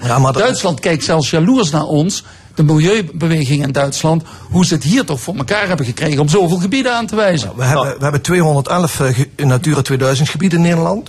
Waarvan er eh, een eh, dertigtal in Limburg. Dat zijn Europese, Europees aangewezen eh, gebieden. Met een zeer hoge landschappelijke waarde. Die dus in de ecologische hoofdstructuur liggen. En die, daar krijg je het weer. Die ecologische hoofdstructuur loopt door heel Europa. Het is juist de bedoeling dat die natuurgebieden een soort aan ingeschakelde ja, eh, regio vormen. Waardoor biodiversiteit, planten, dieren en Biologen zeggen dan kan Ja. dat gebied ook tegen een stootje, die natuur, in dat aaneengesloten tegen een stootje, maar die, Robuuste, die wordt van alle kanten wordt die natuur aangevallen. En de Natura 2000 gebieden dus geen cultuurlandschap. Dat zijn dus echt, zeg maar, eh, de Weerribben, de Biesbos. eh, Bij ons is het de Kunrader, eh, Kunrader groeven, de Geuldal. Nou ja, dat zijn allemaal gebieden waar de plantjes leven, de, de bijtjes zijn, die we nodig hebben om onze fruitbomen te, te, te bevruchten enzovoort. Dus het is een, het is een heel eh, compleet plaatje. En je kunt niet zeggen, oh weet je wat, we strepen er twintig weg, dan hebben we een probleempje minder. Dat vind ik een bureaucratische oplossing die eigenlijk niet hout snijdt. Nou, d- d- daar ben ik het overstrekt wel mee eens. Sterker nog, eh, dat zie je ook in Limburg. Allereerst, ze zijn niet aangewezen op Brussel. Wij hebben zelf voorstellen gedaan. Klopt, we weten om, het. Om gebieden aan te wijzen. Dat hebben we zelf gedaan. Ten tweede, de, de, eh, het parlement van Limburg is al jarenlang op de weg van. Laten we nou die ecologische hoofdstructuur wel in stand houden, maar wat kleiner maken. En laten we aan de randen daarvan een betere overgang creëren. Als het gaat om naar de manier van waarop je agrarisch gebruik maakt van de gronden die daarnaast liggen. Maar laten we in ieder geval het aantal beschermd gebied laten we dat al terugbrengen. Eh, eh, buiten datgene wat beschermd is. Ja, ik snap het ook niet. Allee, we hebben dus namelijk een discussie over stikstof. Stikstof wordt gecreëerd door industrie, door landbouw en druk te wegen. En ieder stukje natuur dat we nodig hebben, omdat een weerstand te bieden voor onze eigen gezondheid, kunnen we niet zeggen, dan wisselen we het uit, dan gaan wij wat langzamer rijden, maar dan offeren we wel de natuurgebieden op. Het gaat juist om een behoud, dat stukje natuur wat we nog hebben. Ja, het verbaast me dat, dat, dat Joost dat zo zegt. Kijken we naar de buitenring, er is 170 hectare agrarisch omgezet in natuurcompensatie. Waardoor de stikstof die eerst in de dorpen werd veroorzaakt, die mocht niet naar de buitenring. Dus daar moest die gecompenseerd worden. Dat is gedaan door alle vee op te kopen wat er was, alles te laten slachten. Er loopt bijna geen koe meer rond. En als we er nog meer willen bezuinigen en we willen niet aan onszelf komen, dan moeten we al beginnen om de huisdieren naar de slag te brengen. Want meer, eh, bijna alles wat scheidt, om het zo maar even te zeggen, in Parkstad is al weg. Ja. Ja, dus de vraag, de- nee, maar je moet wel alles in balans bekijken en, en je moet oppassen dat je niet te ver doorslaat. Ik vind echt, Joost P. van der A slaat gewoon door. Een andere discussie. Zwarte Piet. Ik weet niet of er hier eh, nog ergens eh, schoentjes gezet worden, eh, hier aan tafel thuis. Helaas. Nee, heel nergens meer. nou, Durf het niet meer. zal jullie even bijpraten. Gisteren is eh, Sinterklaas aangekomen in eh, Nederland. De landelijke intocht was in Apeldoorn. Eh, daar stonden toegangspoortjes, wegblokkades waren aangebracht. Er werd eh, gevreesd voor, voor onrust, voor rellen. Bleef allemaal redelijk rustig. Wat zegt dat? Is er een kentering waarneembaar in het felle debat? Wellicht? Ja, we zijn wat milder geworden. Hè? De Roetveegpiet, die hebben het overgenomen. Ik denk de, de, de, de ruwe kantjes over het slavernijdebat en die hele negatieve connotatie van dat hele Piet-verhaal. Dat dat er nu na, hoeveel jaar hebben we er nou over gepraat? Tien Ja, jaar of tien, denk ik. Ja, vijf, zes jaar. Daar is er nou wel een beetje vanaf. Hè. Ik denk dat iedereen een beetje eh, eh, milder eh, naar het hele verhaal kijkt. Want ik vrees ook voor Sinterklaas natuurlijk. Kijk, het is toch een Rooms-Katholieke bisschop die toch kinderen op zijn schoot neemt. Ik vrees dat daar dadelijk allerlei discussies over gaan. Paarden die, eh, die eh, van Sinterklaas die op daken die misschien Stikstof, hè, stikstof uitstoten en zo. Ik, bedoel, eh, ik denk dat het weer een, een kinderverhaal is geworden en dat het dat ook moet blijven, een sprookje. En dat we daar niet eh, te veel eh, woorden aan moeten vuil maken. Ja, hoe denken de andere heren hier aan tafel erover? Nou, ik was gisteren dan in Eindhoven bij het congres van de Partij van de Arbeid. En eh, een vriend van mij waarschuwde me al van tevoren. Joost Kikoes, het werd gedemonstreerd. En jawel hoor, daar stonden ze. Mannen, compleet zwart geschminkt. En toen dacht ik wel bij mezelf. Ja, we hebben toch ook te maken op dit dossier met volgens mij wat de Amerikanen eh, culture wars noemen. Van mensen die dus zo in hun stellingen zitten. Het zijn denk ik wel een kleine groep mensen, maar die, hebben, die gaan alleen maar uit van een absolute gelijk. Zwarte Piet moet zwart blijven. En een ander uit de kick-off Zwarte Piet. Dat zijn eigenlijk ook extremisten die zeggen... ja, als je Zwarte Piet leuk vindt, dan ben je een racist. En dat zijn mensen die niet met elkaar ehm, in discussie kunnen. En wij denken misschien aan mensen die dus in het midden opereren... die daar wat gematigder zijn. Waar jij aan suggereert. Ja, die kijkt ernaar en vraagt zich af... ja, wat is er eigenlijk aan de hand? Erik Koppen.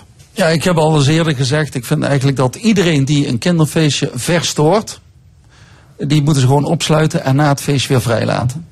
En dat meen ik oprecht. Ehm, een, mooie vergelijking is de schutterij, onze schutterieën.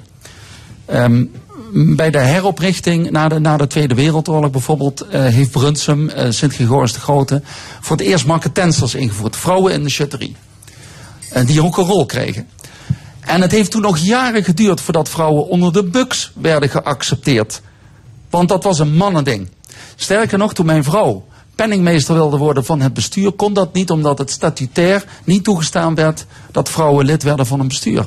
En dat heeft jaren geduurd en in verschillende tempo's, bij verschillende schutterijen. En tegenwoordig vindt iedereen het normaal dat er vrouwen onder de boom staan. Niet alleen in Limburg, maar ook bij het OLS. Maar wat wil je daarmee zeggen? Dan wil ik daarmee willen zeggen dat die Zwarte Pieten discussie, ik vind het vreselijk dat er mensen zijn die alleen maar voor hun eigen gelijk gaan, die een kinderfeest kapot willen maken. Ik vind het ook onbegrijpelijk dat bij de Belastingdienst in Limburg, dat het kinderfeest het niet doorgaat, omdat men het niet eens wordt wat voor soort Piet het moet zijn.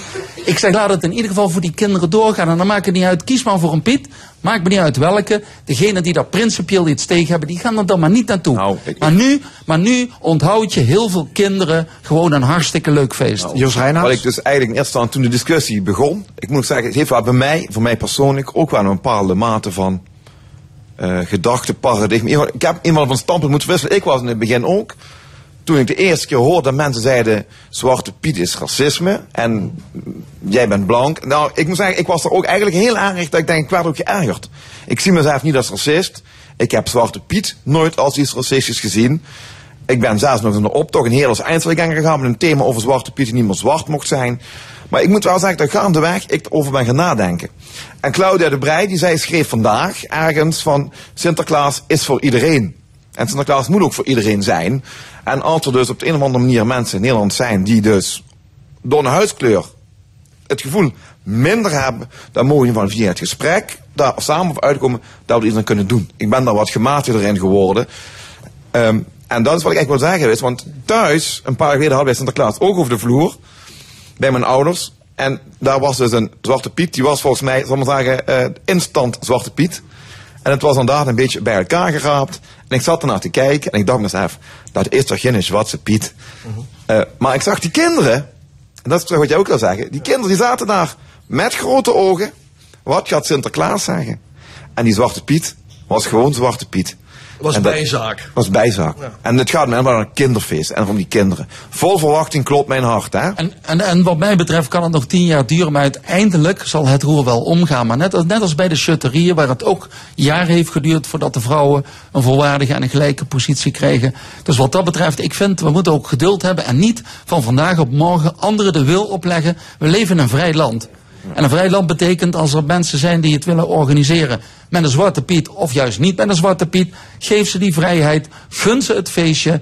En ik ben ervan overtuigd, naarmate de jaren verstrijken, eh, komt het allemaal wel goed. We gaan, naar een, we gaan naar een ander onderwerp. Er is een app ontwikkeld die het integriteitsbesef naar een hoger plan moet tillen. Dat meldde de Limburger vrijdag. Die app is gemaakt door de werkgroep Integriteit Limburg. Het is bedoeld voor bestuurders en ambtenaren. Ja, het wordt een soort spel. Die app heet dan ook eh, Serious Game. Wie wil daar iets over kwijt? Mark Hermans?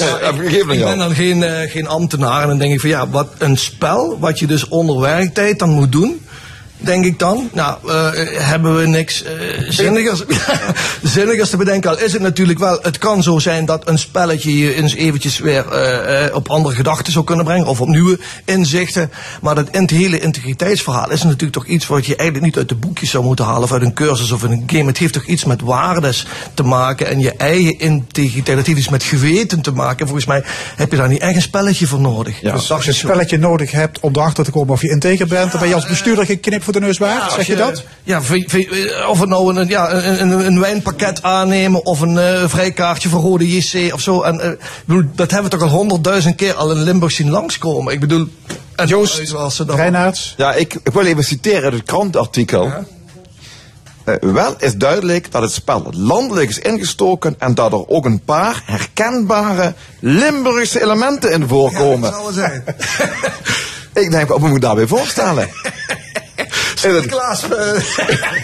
Ben je bij Roda JC? Daar is De La Vega. Hij spreekt je aan, hij biedt je een bord tapas aan en je dan een teger of niet. Wat is dit dan, Limburgs? Ja, weet je, we hebben er in Provinciale Staten eh, ook heel veel aandacht aan besteed, dankzij denk ik de gouverneur. En die heeft daar heel veel speciale aparte sessies voor georganiseerd. En wat mij op een gegeven moment opviel, ik was er iedere keer in het begin. Maar omdat er nog geen 30% van de statenleden aanwezig was, en ik had wel eens het idee dat de statenleden die het hardst nodig hadden er helemaal nooit waren. Eh, maar toen heb ik op een gegeven moment gezegd, ik doe hier niet meer aan mee. Kijk, integriteit zit tussen de oren. En in de bijna der- in de 30 jaar die ik actief ben geweest in verschillende rollen, politiek gezien, ben ik qua integriteit eigenlijk nooit in de problemen gekomen. En waarom? Op het moment dat je begint te twijfelen of iets goed is, moet je het niet doen. Bij twijfel niet doen. Als je een uitnodiging krijgt voor een feestje en je weet dat het kaartje 250 euro kost, en ik kan tal van feestjes opnoemen waar bestuurders naartoe zijn geweest in die jaren, eh, dan moet je je afvragen van, ga ik geen lijn, geen lijn over, terwijl je weet dat je ergens in een gedragscode hebt afgesproken dat het niet meer dan 50 euro mag zijn. Dus bij twijfel niet doen. En integriteit, ik ben het helemaal eens met Mark, dat zit tussen de oren. Dat kun je op papier zetten wat je wil, maar het zit gewoon tussen Ja, de maar zou jij als burgemeester die, die app afspelen voordat je Ik zou naar, er de- naar de, naar projectontwikkelaar naar de toe gaat? Ik heb er bijvoorbeeld een afkeer van. Ik denk dat zo'n app helemaal niet helpt. Wat wel helpt, is je er met elkaar over praat. Als iemand een goed voorbeeld weet van wat niet integer is, of wat in zo'n grijs gebied ligt, en je praat erover met elkaar, dan kom je veel Nee, oké, maar ondertussen, wacht even, die, die game die gaat 100.000 euro kosten. Ja, misschien, belangrijk. misschien iets minder. Dat is een hoop belastinggeld. Ja, hè? vraag 1 is het officieel aanbesteed. eh, integer of niet? eh? nee, ik, ik heb hierbij, ik denk, ik ben met, eh, met Erik Koppen eens. eh, dat ben je of dat ben je niet. Ik wil ook even refereren aan, want de naam komt hier ook voorbij. Indale is toch mijn partijgenoot, die zei, een beetje integer bestaat niet. En ik vind dat je dus van politici eh, en bestuurders en ambtenaren toch wel een, een bepaald mate van innerlijk kompas mag hebben. Die op zijn minst aanvoelt wanneer iets niet goed is. En dan kun je met een spel, sorry, dat gaat me dan echt te ver. Ja, ik vind het ook een beetje vrijblijvend, een spelletje. Daar moet keihard worden ingegrepen als je over, over dat soort eh, normen gaat overtreden. Of dat je daar willens en wetens anders eh, over denkt. Ik bedoel, eh, zouden we dan ook alle politieagenten eh, in Limburg die app moeten geven? Want die hebben ook allerlei conflicten waar ze wel eens mee in hun werk aankomen. Alle ambtenaren bij gemeenten of mensen van de rechtbank. Ik bedoel, welke beroepsgroep... Iedereen komt er in zijn professionele leven mee te, eh, heb je daarmee te maken. En moet je dus afwegingen maken. En is jouw interne morele kompas toch volgens mij nog altijd de manier waar je op af kan moeten gaan. Maken we ons belachelijk met zo'n app? Ja, en zo ja, waarom ja, komt de provincie daar Ja, dan mee? maar Wat, Wordt het ook gemeten? Hoe vaak die wordt gedownload? hoe- Hoeveel uurtjes dat ze daarop besteden? Maar ik denk dat, dat, Oh, dat onze gouverneur, die doet er alles aan en die probeert ook vernieuwend te zijn in die hele discussie in Nederland, doet er alles aan om, om daar iets mee te doen, om te laten zien dat wij daaraan werken, aan integriteit. Ja, want we hebben de Indales Integriteitsaward gewonnen. Ja, Ooit. ja nou, maar dat, dat goed, dat heeft daarmee te maken. Maar eh, ik denk dat het op deze manier eh, dat het niet beter wordt. Nee, en dat is wat ik ook wil zeggen is. Heel kort. dit is heel goed te doen, maar waarom doe je het? Je zegt weer, en Limburg is weer iets aan de hand. Je roept ook, zet het verrekijker ook op je gezicht. Hartelijk dank discussiepanel. Mark Hermans, Joost Reinaerts, Erik Koppen. Dit was de stemming vandaag gemaakt door Ben Bolk, Frank Heijnen, Joëlle Tilly, Fons Geraerts en Frank Ruber. Graag tot volgende week en dan wederom hier vanuit Café Forum in Mustreek. En dan met muziek van Shang Cher en de Shelle. Dit programma wordt herhaald maandagavond om 8 uur en is ook terug te luisteren op onze site l1.nl en via podcast. Ik wens u nog een mooie zondag.